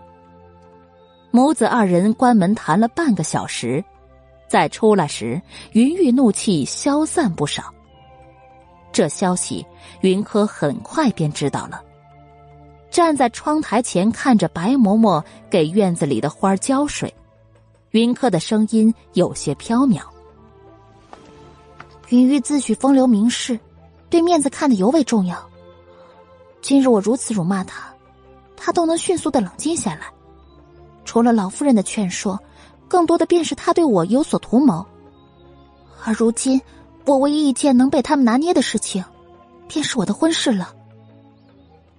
云柯很清楚，云玉对他这个女儿是没有什么感情的，哪怕是不知道老夫人跟云玉说了什么，但也能猜到几分。女子的婚姻大事，在他嘴里说出来，却像是比今天天气很好还要来得更为平淡。韩秋有些心疼。上前两步，挽住云柯，轻声说道：“小姐安心，将军府定不会让小姐低价的。三爷想拿捏你的婚事，并不易。我不怕，我怕的是那些人的丑陋嘴脸和险恶用心，那比世上低劣的事情还要来的恶心。”云柯低喃，今日玉巧院里老夫人那欲言又止的模样，让云柯明白，哪怕是老夫人，他都不能再全身心的信任了。是第一百一十一集。小姐，不如我们还是回灵山吧，这京城待的真让人憋屈。韩月性子活跃，耐不住侯府里的枯燥。早就待得不耐烦了，韩秋回头瞪他，让他不要随意的说话，但韩月却是有些不服气的嘟了嘟嘴，并不认为自己说错。哼，灵山是肯定要回的，但不是现在，没有人能在欺了我之后还安然无恙。轻哼一声，云柯冷声说道：“跟韩月一样。”比起京城，他更喜欢灵山，但他的大仇还没报呢，自然不可能轻易的避讳灵山。韩月正想说什么，却见窗台前飘过一抹亮色，他正想张嘴呵斥，却接到小姐的目光，示意他别乱动。你们说我娘当年选择云三爷，是不是因为他的那张皮囊呢？似低语一般。云柯轻轻的说着，韩月睁大了眼睛，不明所以。云柯朝窗台外看了一眼，然后又看向韩秋。三爷年轻时可是京城有名的美男子呢，爱美之心人皆有之，想来夫人当年也没能免俗。韩秋心领神会，接过云柯的话，提高了几分音量。见韩秋明白自己的意思，云柯很开心，故意感叹道：“可不是嘛，不然那荣巧怎么会上杆子的勾搭上他呢？唉，不过也难为了云三爷，就荣巧那般俗粉也看得上。说起来，三房多年不曾增加过新鲜血液了，姨娘们也都老了呢。小姐这话可就不对了。”巧姨娘不是有了身孕吗？自然就不方便照顾三爷了。大户人家，这种情况下一般会给安排通房丫头的。对啊，对啊，我听说当年六小姐就是这样怀上的呢。六小姐的姨娘当年只是小小的通房丫头，后来生下孩子便被抬为姨娘了。韩秋、韩月二人犹如演双簧一般。一会儿后窗台外面，那沉重的呼吸声。伴随着一阵脚步远去，小姐，明月这人可要？韩月做了个抹脖子的动作，云柯却是摇了摇头。接下来的戏，明月可是主角呢，他不会让我们失望的。云柯轻神，对于明月，他自认为看得极准，那不是个安分的丫头，自认长得有几分姿色。平时锦院里的脏活累活，他半毫不沾。如今经他们三人启发，得知有捷径可以一跃而上，成为姨娘，他自然会抓住机会的。那小姐，可要我们助明月一臂之力？韩秋同样不喜欢明月，但他比韩月更会掩饰。猜到小姐可能在谋算什么，便主动建议。嗯可以的，但别太过明显。如今巧夫人身子重，而三爷又正值大好年华，总会有需要的。奴婢明白，小姐大可放心。小姐，奴婢也去。韩月这下总算是明白韩秋和云柯在说什么了，兴致勃勃的嚷着也要加入。云柯瞥了他一眼，没拒绝，便由着他去。韩秋、韩月的动作很快，仅过了两天，云玉跟明月在玉巧院里鬼混的事情就被荣巧给当场逮住了。当时张嬷嬷正领了老夫人的命令，给玉巧院送保胎汤药，荣巧嘶吼着要让人将光着身子的明月给打出去，张嬷嬷怎么都拉不住，便索性将消息递到了扶手堂。老夫人亲问，云柯得到消息，便带着韩秋、韩月赶到了扶手堂。是。第一百一十二集，仇人见面，分外眼红，满肚子怒火的荣巧，此时见到云柯，更是怒气高涨，直接讽刺道：“三小姐还真是训得一手的好奴才，训的丫头都直接往亲爹床上爬。他昨天才想着一计不成，要再施一计，让云玉厌恶了云柯。”只是计划还没来得及实施，就发现明月爬上了云玉的床，而这明摆可是云柯的丫头，让他如何能忍？荣巧的高嗓门让刚走到门口的李氏恰好听见，他甩着帕子接话道：“哼，可不是嘛，三小姐可还是个孩子呢，这样插手父亲妾室的事情。”可不太妙呢。利用眼睛余光，云柯看到李氏与荣巧飞快的交换了一个眼神。呵，看来在他不知道的时候，荣巧已经与李氏联手了呢。三小姐怎么不说话了？你哪怕是再不喜我为老爷生儿子，也不能用这样拙劣的法子呀。这明月只不过是个洒扫丫头。哪配得上我们老爷呢？荣巧扶着尚未现形的肚子，故作娇弱的往云玉身边靠了靠，只是偶尔看向明月的目光里带着滔天的愤怒。云玉看着荣巧的肚子，眼里闪过愧疚，但目光落在明月身上时，却有着更为深层的晦暗。自从三房由荣巧掌控之后。他便没机会再品尝到鲜嫩的身体。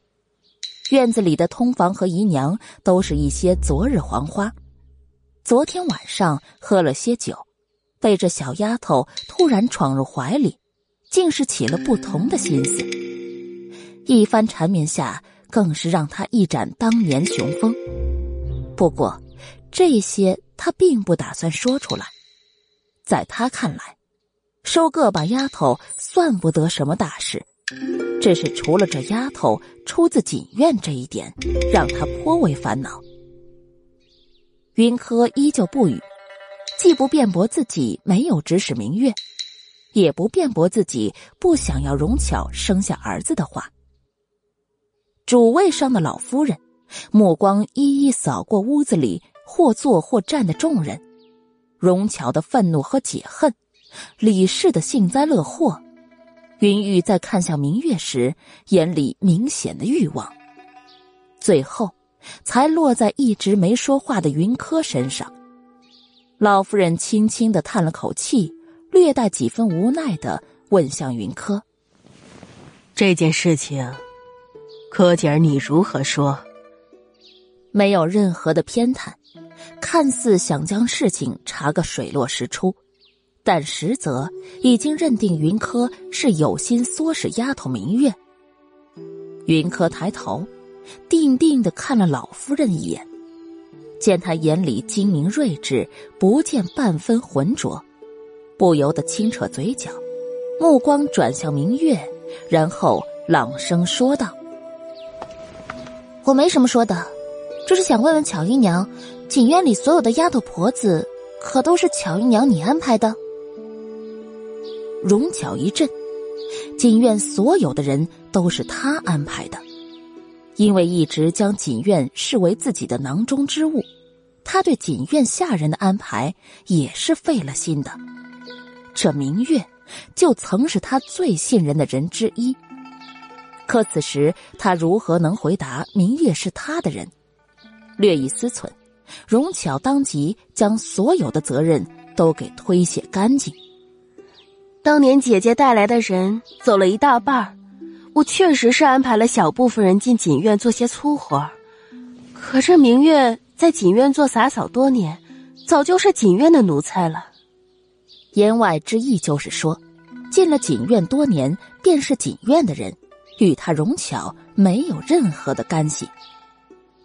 荣巧为自己的说辞堵得云柯无话可说而得意着。云柯却是冷然一笑：“哼，照乔姨娘这么说啊，那明月进了锦院，便是锦院的奴才了，可是这个意思？那是自然。荣巧回答的很是响亮，云柯却是突然在老夫人面前轻轻一跪。第一百一十三集，祖母，锦院是娘亲生前所居之处，娘亲作为三房主母，自是有责任为丈夫安排通房丫头，替侯府开枝散叶的。或许是娘亲天上瞧着这明月眉目清秀，却好生养，所以才托梦给她，让她在乔姨娘身子不便时照顾好三爷。这原本是极为平常之事，为何乔姨娘要如此的大发雷霆？可是，乔姨娘见不得他人为侯府开枝散叶吗？云柯，你，荣巧没想到。云柯竟然可以将这事儿扯到已逝的容黛头上来，一时间愣在那里。等反应过来时，才发现自己被云柯耍了。我当如何？我是三房嫡女，即便是乔姨娘有了身孕，也得唤我一声小姐。如今当众直呼我名讳，岂不有失风范？让人质疑我定国侯府家风恶劣。荣巧几时受过这样的气？她大口大口的喘着粗气，那模样像是被气得不轻。可偏偏此时云玉的目光正落在明月匆忙裹住的身子上，眼里早就欲海沉沉了，哪里还有时间顾得上他呢？这时，明月裹薄被往老夫人的方向移了两步。老夫人明鉴，前两日夫人梦中提醒奴婢，说是巧夫人如今有了身子，肯定不便照顾三爷。可三爷正是最好年华，夫人托奴婢好好照顾三爷，所以奴婢才会斗胆。这事是奴婢逾了，老夫人要怪，请怪奴婢一人吧，跟三爷没关系的。明月原本是跪在荣巧身边的，而荣巧正虚虚的靠在云玉身边。他刚刚故意移动了两步，这样一来，整个胸前的绚丽风光便都展现在云玉的眼底。才听着明月将所有的过错都自己一个人揽下，不让老夫人怪罪于他，云玉只觉得自己的胸口暖暖的，这种被维护的感觉多年不曾有过了。荣巧在他身边，向来都是需要他去庇护的。这明月一个丫头，却愿意主动挡在他的身前。这么想着，云玉直接上前将明月拉起来，然后一把抱起。娘，我是三房的主人，要个把丫头又如何了？既然明月是夫人替我挑选的，那也就不干三小姐什么事儿了。都散了吧。最后一句“散了吧”。是对屋子里诸如李氏等人说的。见老夫人还说反对，云雨直接表示：“娘，你不是希望三房多多开枝散叶吗？谁生都是我的孩子。”说完，云玉便将明月打横抱出了扶手堂，那小心翼翼的模样，仿佛生怕明月会走光。老夫人沉默不语。云柯早就起身站了起来，唯独荣巧面色苍白的看着云玉离开的方向。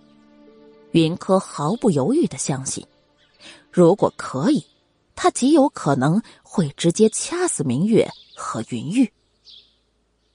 老夫人或许是考虑到荣巧情绪不稳定，便让他留下来劝慰几句。云柯领着寒秋、寒月出门。在扶手堂前，李氏叫住云柯：“三小姐还真是好算计呢。这场战争尚未开战，荣巧便已经输了呢。是吗？有了巧姨娘的前车之鉴，大伯母还敢来招惹我啊？我是该说大伯母你胆儿大呢，还是该说你不怕死呢？”云柯没有丝毫的客气。李氏这种人向来是欺软怕硬，并不会因为你好好说话，他就会怕你。相反，只是让他惧怕、顾忌你，他才会少在你面前招摇。很明显，李氏没想到他会如此的直白，被噎得有些脸色发白。是第一百一十四集，云柯从他身边经过，盯着他的眼睛，一个字一个字的说道：“我是女儿家，总有一天会嫁出侯府。”大伯母再记恨我，这偌大的侯府也铁定不会落在我的手里呀。可巧姨娘肚子里的那个就不一定了。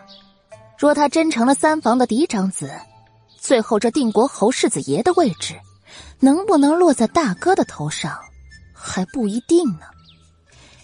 祖母向来疼爱三爷，不是吗？云柯说完。李氏的脸白的像鬼一样，这也正是他担心的事情。自己虽然生有长子云州，但云州自小便身体羸弱，痴迷于书画，文不能成，武不就的。平日里，他为了防备大房的那些庶子们，就已经心力交瘁了。现在又多了未来三房嫡子。到时候老夫人偏宠，将军府帮衬，这定国侯府世子爷极有可能会落在荣巧的儿子头上。想到这里，李世新更慌了。不，这不是他想看到的局面。猛地抬头，却发现云柯早就已经走远了。李氏握紧了拳头，急匆匆的回了大房。看着李氏那步履匆匆的模样，云柯唇角轻勾。若他是李氏，便不会这样锋芒毕露的针对三房。要知道，比起三房的人口稀少来，大房的灾难更重。他那个大伯没有那个雄才大略，却又偏偏要学祖上逞能。大房里姨娘庶子众多。李氏平时就已经应接不暇，这下有了荣巧这个假想敌，李氏要日夜安寝，只怕是不可能了。不过，这些都不是他操心的事情，能让大房添堵的事情，他很乐意做。谁让之前李氏出言讽刺他，云芝又故作白莲呢？云柯轻笑着回到锦院。白嬷嬷匆匆来报，说是锦院里的丫头们都心思有些异动。有异动才好啊，机会面前人人平等的。不难猜到，是因为明月的原因。现在整个三房都传遍了，说是明月是三小姐亲自送到三爷床上的。更主要的是，三爷并没有不开心，反而将明月疼入心坎。为了明月，哪怕是得罪夫人，也在所不惜。这样一来，其他丫头们自然是不平衡了。论姿色，明月可不是顶尖的。既然明月可以，那他们也是可以的。白嬷嬷将这事儿告诉云柯，是想问他怎么处理。见他如此轻松的看待，便也多了几分随意。锦院里想爬云雨床的丫头也就更多了，其中不乏荣巧特意派来的。小姐，三爷他不知道珍惜你是他的损失，你终究是有些担心小姐伤心。白嬷嬷有心想安慰两句，却见眼前的少女明眸闪耀，回头笑盈盈的望着他。嬷嬷放心，我自小便过惯了没有父亲的日子，现在也并不觉得有父亲是件多么美妙的事情。嬷嬷不用担心我的。白嬷嬷轻叹口气，不再多言。第二天一早，云柯便得到消息，明月被抬为姨娘。云玉将紧挨着玉巧院的院子拨给了他。并且亲自取名明月阁。听到消息时，云柯正在锦院里吃早餐，韩月愤愤不平的说着刚打听来的消息。小姐，那明月还真是个手段厉害的呢。白嬷嬷说，侯府向来都只有生下孩子的同房才能被抬为姨娘，这明月得宠才不过一天的时间，就磨着三爷抬了她。第一百一十五集，明月的野心，云柯一早就看在眼里。那是个会为自己谋算的丫头，有了他们三人那天的一番说法，明月为自己谋取日后的福利也并不奇怪。他厉害，荣巧也不是吃素的，接下来就要看谁更胜一筹了。云柯勾唇浅笑，现在的日子似乎越来越有趣了呢。云柯用完早餐，便见白嬷嬷匆匆赶来。小姐，巧夫人和月姨娘在老夫人那里吵了起来。月姨娘便是指明月，按侯府规矩，各房每日都要去福寿堂请安，但正室和妾室不可同时。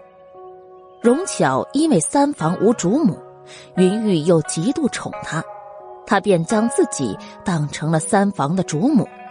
每日请安也都只会比李氏晚一会儿，但又比其他姨娘早上许多。今日会跟明月撞在一起，似乎也并不是什么不可能的事情。可有问清楚是为什么事吵起来？巧夫人斥责月姨娘想对她肚子里的孩子不利，月姨娘不认这项罪名，说巧夫人是嫉妒她被抬为姨娘。还真是一出好戏呢。云柯有些跃跃欲试的，放下碗筷，带着寒秋去了福寿堂。如白嬷嬷所说，福寿堂里，荣巧和明月正僵持着。老夫人坐在主位上，面色阴沉，不发一言。一旁的下人都努力的降低着自己的存在感。见云柯进来。张嬷嬷略带几分兴奋，凑近老夫人身边禀报：“老夫人，三小姐来了。”老夫人像是才看到云柯一般，朝他招手。云柯倒也不客气，直接走到老夫人身边。张嬷嬷赶紧给她搬了张椅子来。今日来晚了些，祖母可别跟柯儿一般见识呀。少女浅笑着。圆润杏眼里满是沁甜，面对这样一张脸，老夫人的怒气哪里还发得出来呢？嗯，你是个好的。老夫人朝云柯点了点头，但是目光落在荣巧和明月身上时，却是明显的划过嫌恶。可偏偏有些人都是不长眼的。跳脱不安分的让人心烦。荣巧直接就对号入座上了，他上前几步，愤愤不平的为自己辩驳：“老夫人，妾身也不想闹到老夫人面前来，只是明月这贱蹄子太过分了些。他明知道妾身怀了孩子，且胎相不稳，可他还一个劲儿的霸占着三爷，让妾身肚子里的孩子不安。”那边明月也不甘示弱，声泪俱下的控诉：“姐姐这话说的好没道理，妹妹才被三爷抬为姨娘，彼此之间嫌意正浓着，姐姐非要拿肚子里的孩子做法子，将三爷要回玉巧院，三爷不愿，姐姐便闹腾了整晚，这样的一家之罪，为何也要压到妹妹身上来？”这知道的当时姐姐孩子胎相不稳，所以心境急躁；这要不知道的，还当是姐姐对三爷将妹妹抬为姨娘的事情，心里不平衡呢。你这个贱人就是故意的！我让人三番四次的去请三爷，可你呢？啊，非要霸占着三爷不放，就是看不得我好，就是想让我为此落了胎，好在三房撑大。荣巧没想到。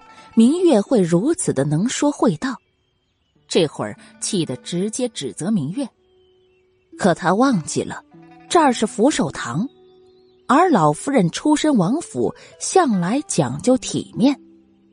如此后院闺房之间的肮脏之事，他又如何喜欢听呢？只听见老夫人重重的一巴掌拍在桌子上，整个人气得发抖。是第一百一十六集。小荣氏，你可是看这些年来，我一直纵容着你，便无法无天了。你不顾念柯姐儿一个孩子在场，也要顾及你为人母的身份，如此撒泼放肆，可有将我这个老婆子放在眼里？明月被老夫人这么一吼，都安静下来，可荣巧却是有些不服气的。她以为自己好不容易怀孕了，有了孩子的筹码，他应该是无往不利的。可事实是，连个明月都敢凌驾于他头上，这让他如何能甘心呢？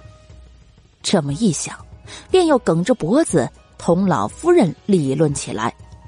这本是三房的事情，柯姐儿她身为三房嫡女，知道也并无不妥。我嫁进侯府十几年，一直侍候三爷打理三房。老夫人一直看我不顺眼，对商姐也一直都是不冷不热的。啊，如今我好不容易怀了儿子，您纵容着贱人侮辱我，我倒是想问问老夫人，我到底哪里让您不满意了？您才一直打压于我。或许是积压的久了，此时的荣巧面容有几分癫狂。看向老夫人的眼里也满是愤恨。老夫人被他不敬的模样给气得血压上涌，指着荣巧拟了半天，却是怎么也挤不出一个字来。张嬷嬷吓得直呼造孽啊！云柯上前轻抚着老夫人的胸腔，替她顺气。如此几十个来回，老夫人那口气终于是顺过来了。张嬷嬷则赶紧给老夫人端了杯水来，喂她喝下。你觉得我一直都在打压于你？平静下来的老夫人，目光幽深的看着荣巧。难道不是吗？我这些年打理三房，没有功劳也有苦劳，可您一直都看不上我。如今更是纵容贱人欺负，这不是打压是什么？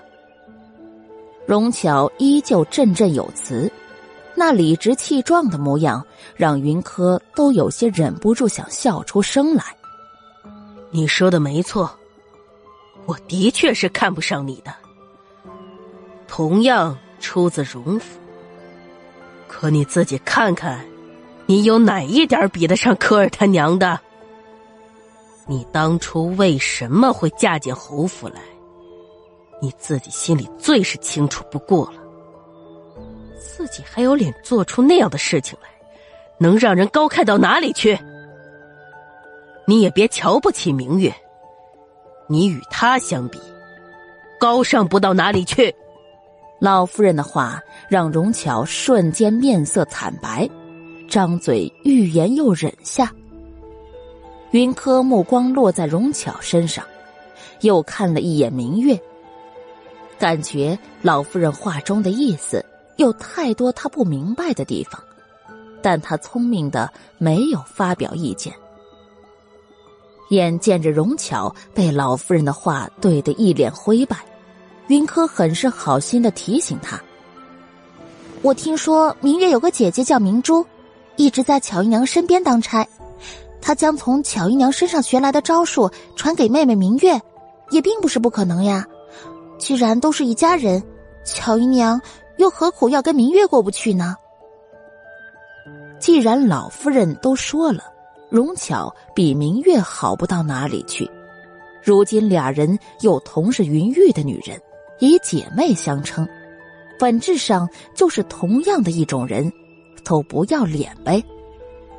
云柯笑得没心没肺，但荣巧却是听出了云柯话里的讽刺之意，想训斥，却又听云柯继续补充道：“看在我们相识多年的份上，我还是提醒巧姨娘你一句的。云三爷现在可是对明月稀罕着呢。你说，要是让他回来知道你张嘴闭嘴的称呼他的爱妾为贱人，他会怎么看你呢？嗯？果然。”云柯的话说完，荣巧的脸又白了几分。他特意选了云玉不在的时候才来闹，就是想趁此机会先将明月给打杀了，然后再好好的哄哄云玉。这件事情自然就算是接过了。可没想到，非但没有及时将明月给打杀，反而还让自己被训斥的更加彻底。偏偏这时候，外头传来丫头问安的声音：“三爷回来了。”是君言讲故事第一百一十七集。沉默了好一会儿的明月，像是得到鼓励一般，直接扑向刚进门的云玉怀里，低低哭泣，就是不说话。云玉正处于对明月的身体极度着迷的阶段，见他哭得如此伤心，自然是心疼的不行啊。转眼看到一脸愤怒悲怆的荣巧时，眉头直觉的就皱了起来。怎么回事？看似问荣巧，但实际却多了两分为明月撑腰的意味。明月向来聪慧，自然是明白了。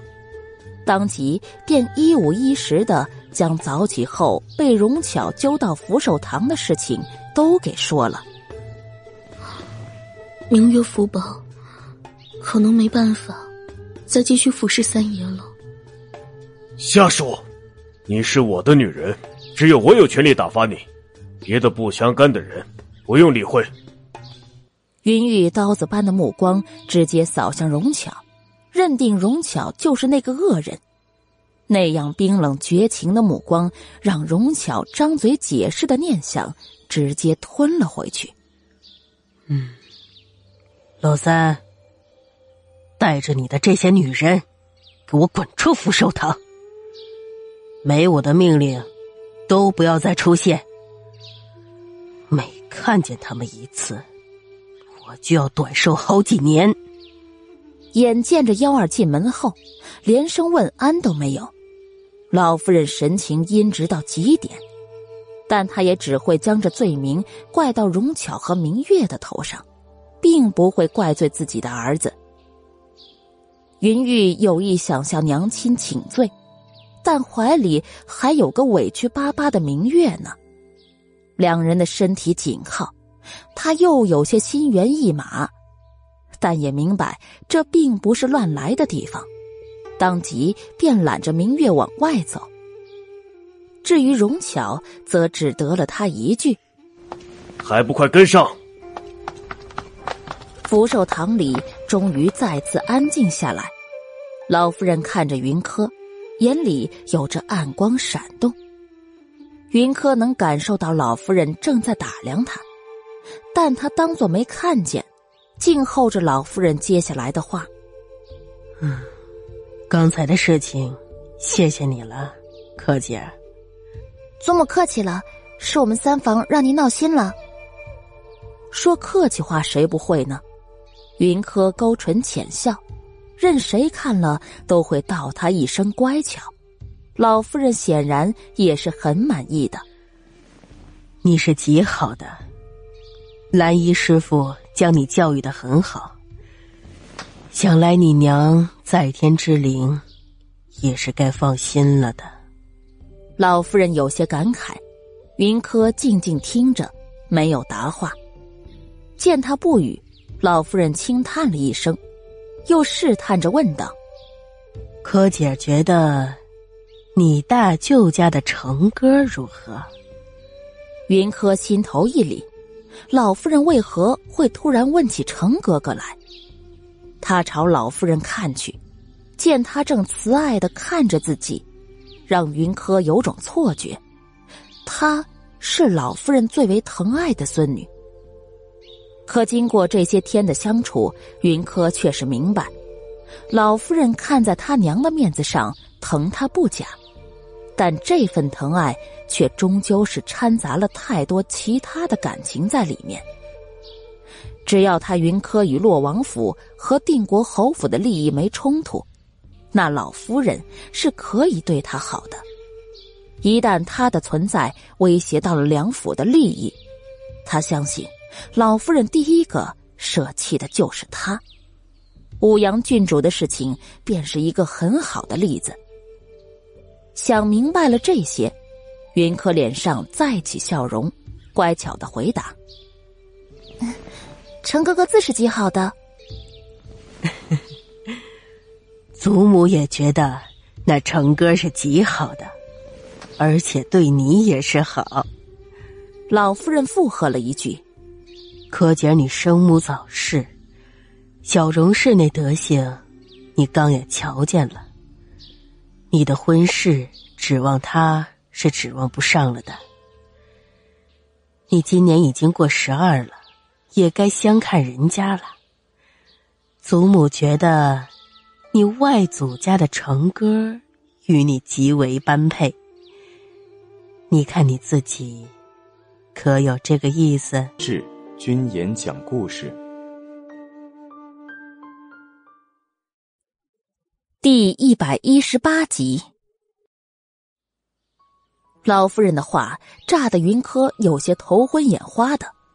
他跟程哥哥，算了吧，从来没有想过的事情。云柯在心里翻了个白眼。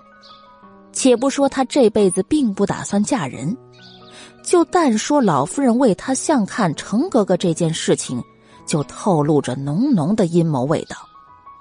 仔细一想，便可明白，老夫人今日开这个口，可不完全是为他着想。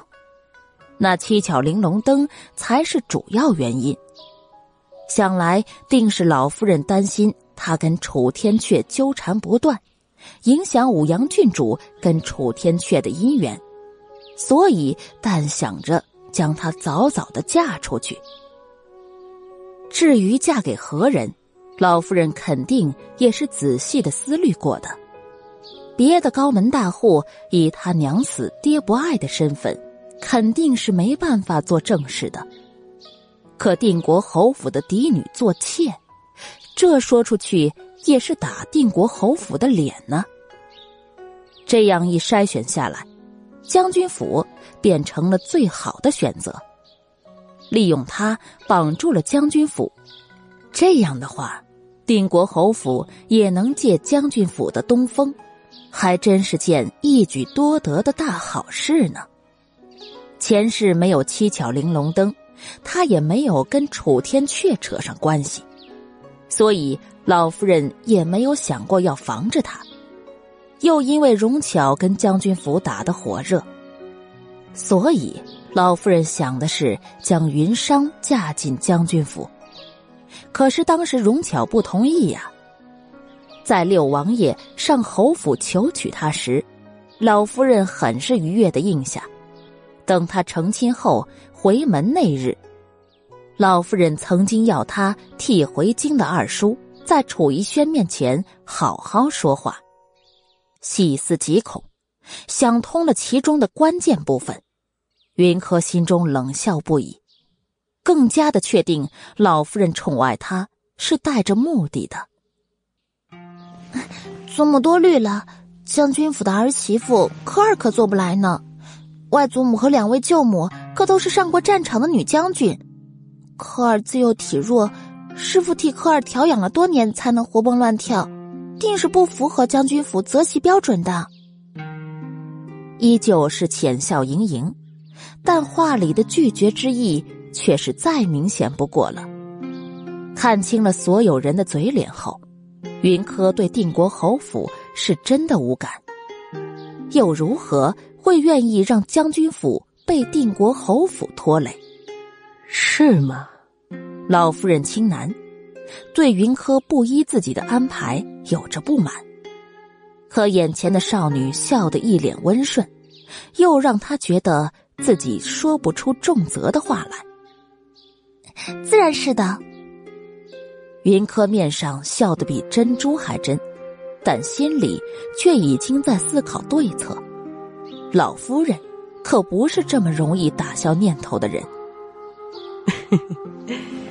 你这孩子，祖母想让你嫁进将军府。也是因为他们都像祖母一样的疼着你，都是一家人，知根知底的，自然不会让你受苦吃亏。老夫人点了点云柯的额前，嗔怪的说道，但云柯并没有再接话。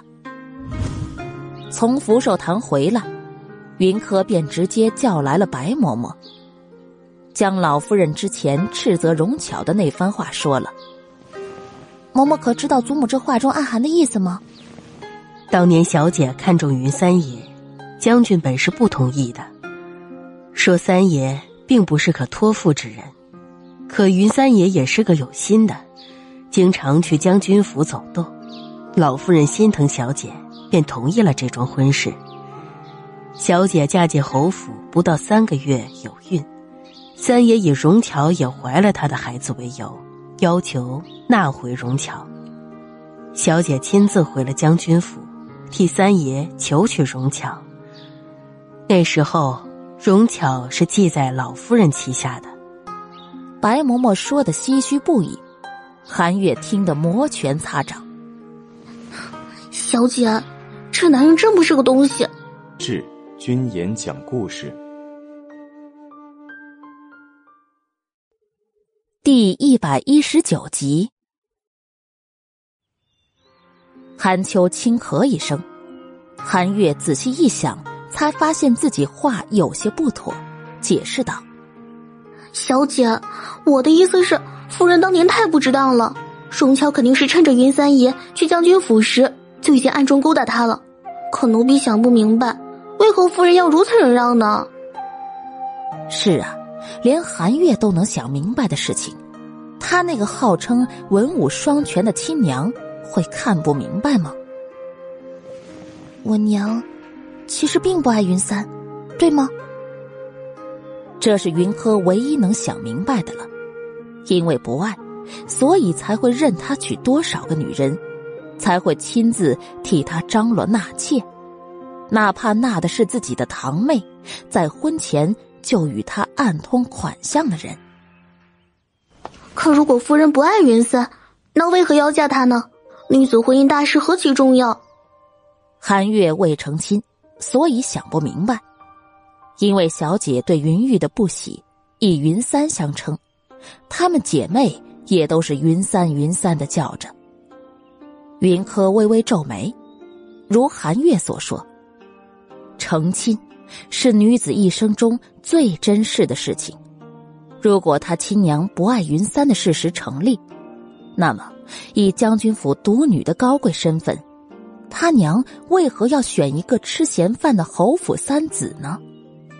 而且白嬷嬷刚刚也说了，当年外祖父可是不同意的，那么自然也就剔除了父母之命。想来想去，云柯都想不出一个合适的理由来，于是便抬头看向白嬷嬷，想从她这里得到一些当年的内幕。白嬷嬷轻叹一口气，她是荣黛小姐的奶娘，自她小时就陪伴，自然是知道原因的。但看着如今柯二小姐，她却不知道。自己要不要将当年的事情和盘托出？云柯见白嬷嬷欲言又止的模样，便知道这其中肯定有隐情。朝韩秋、韩月使了个眼色，姐妹两个一起出门，守在门口，不让人靠近。白嬷嬷说吧，你跟在我娘身边最久，有些事情哪怕是外祖父、外祖母都不知道。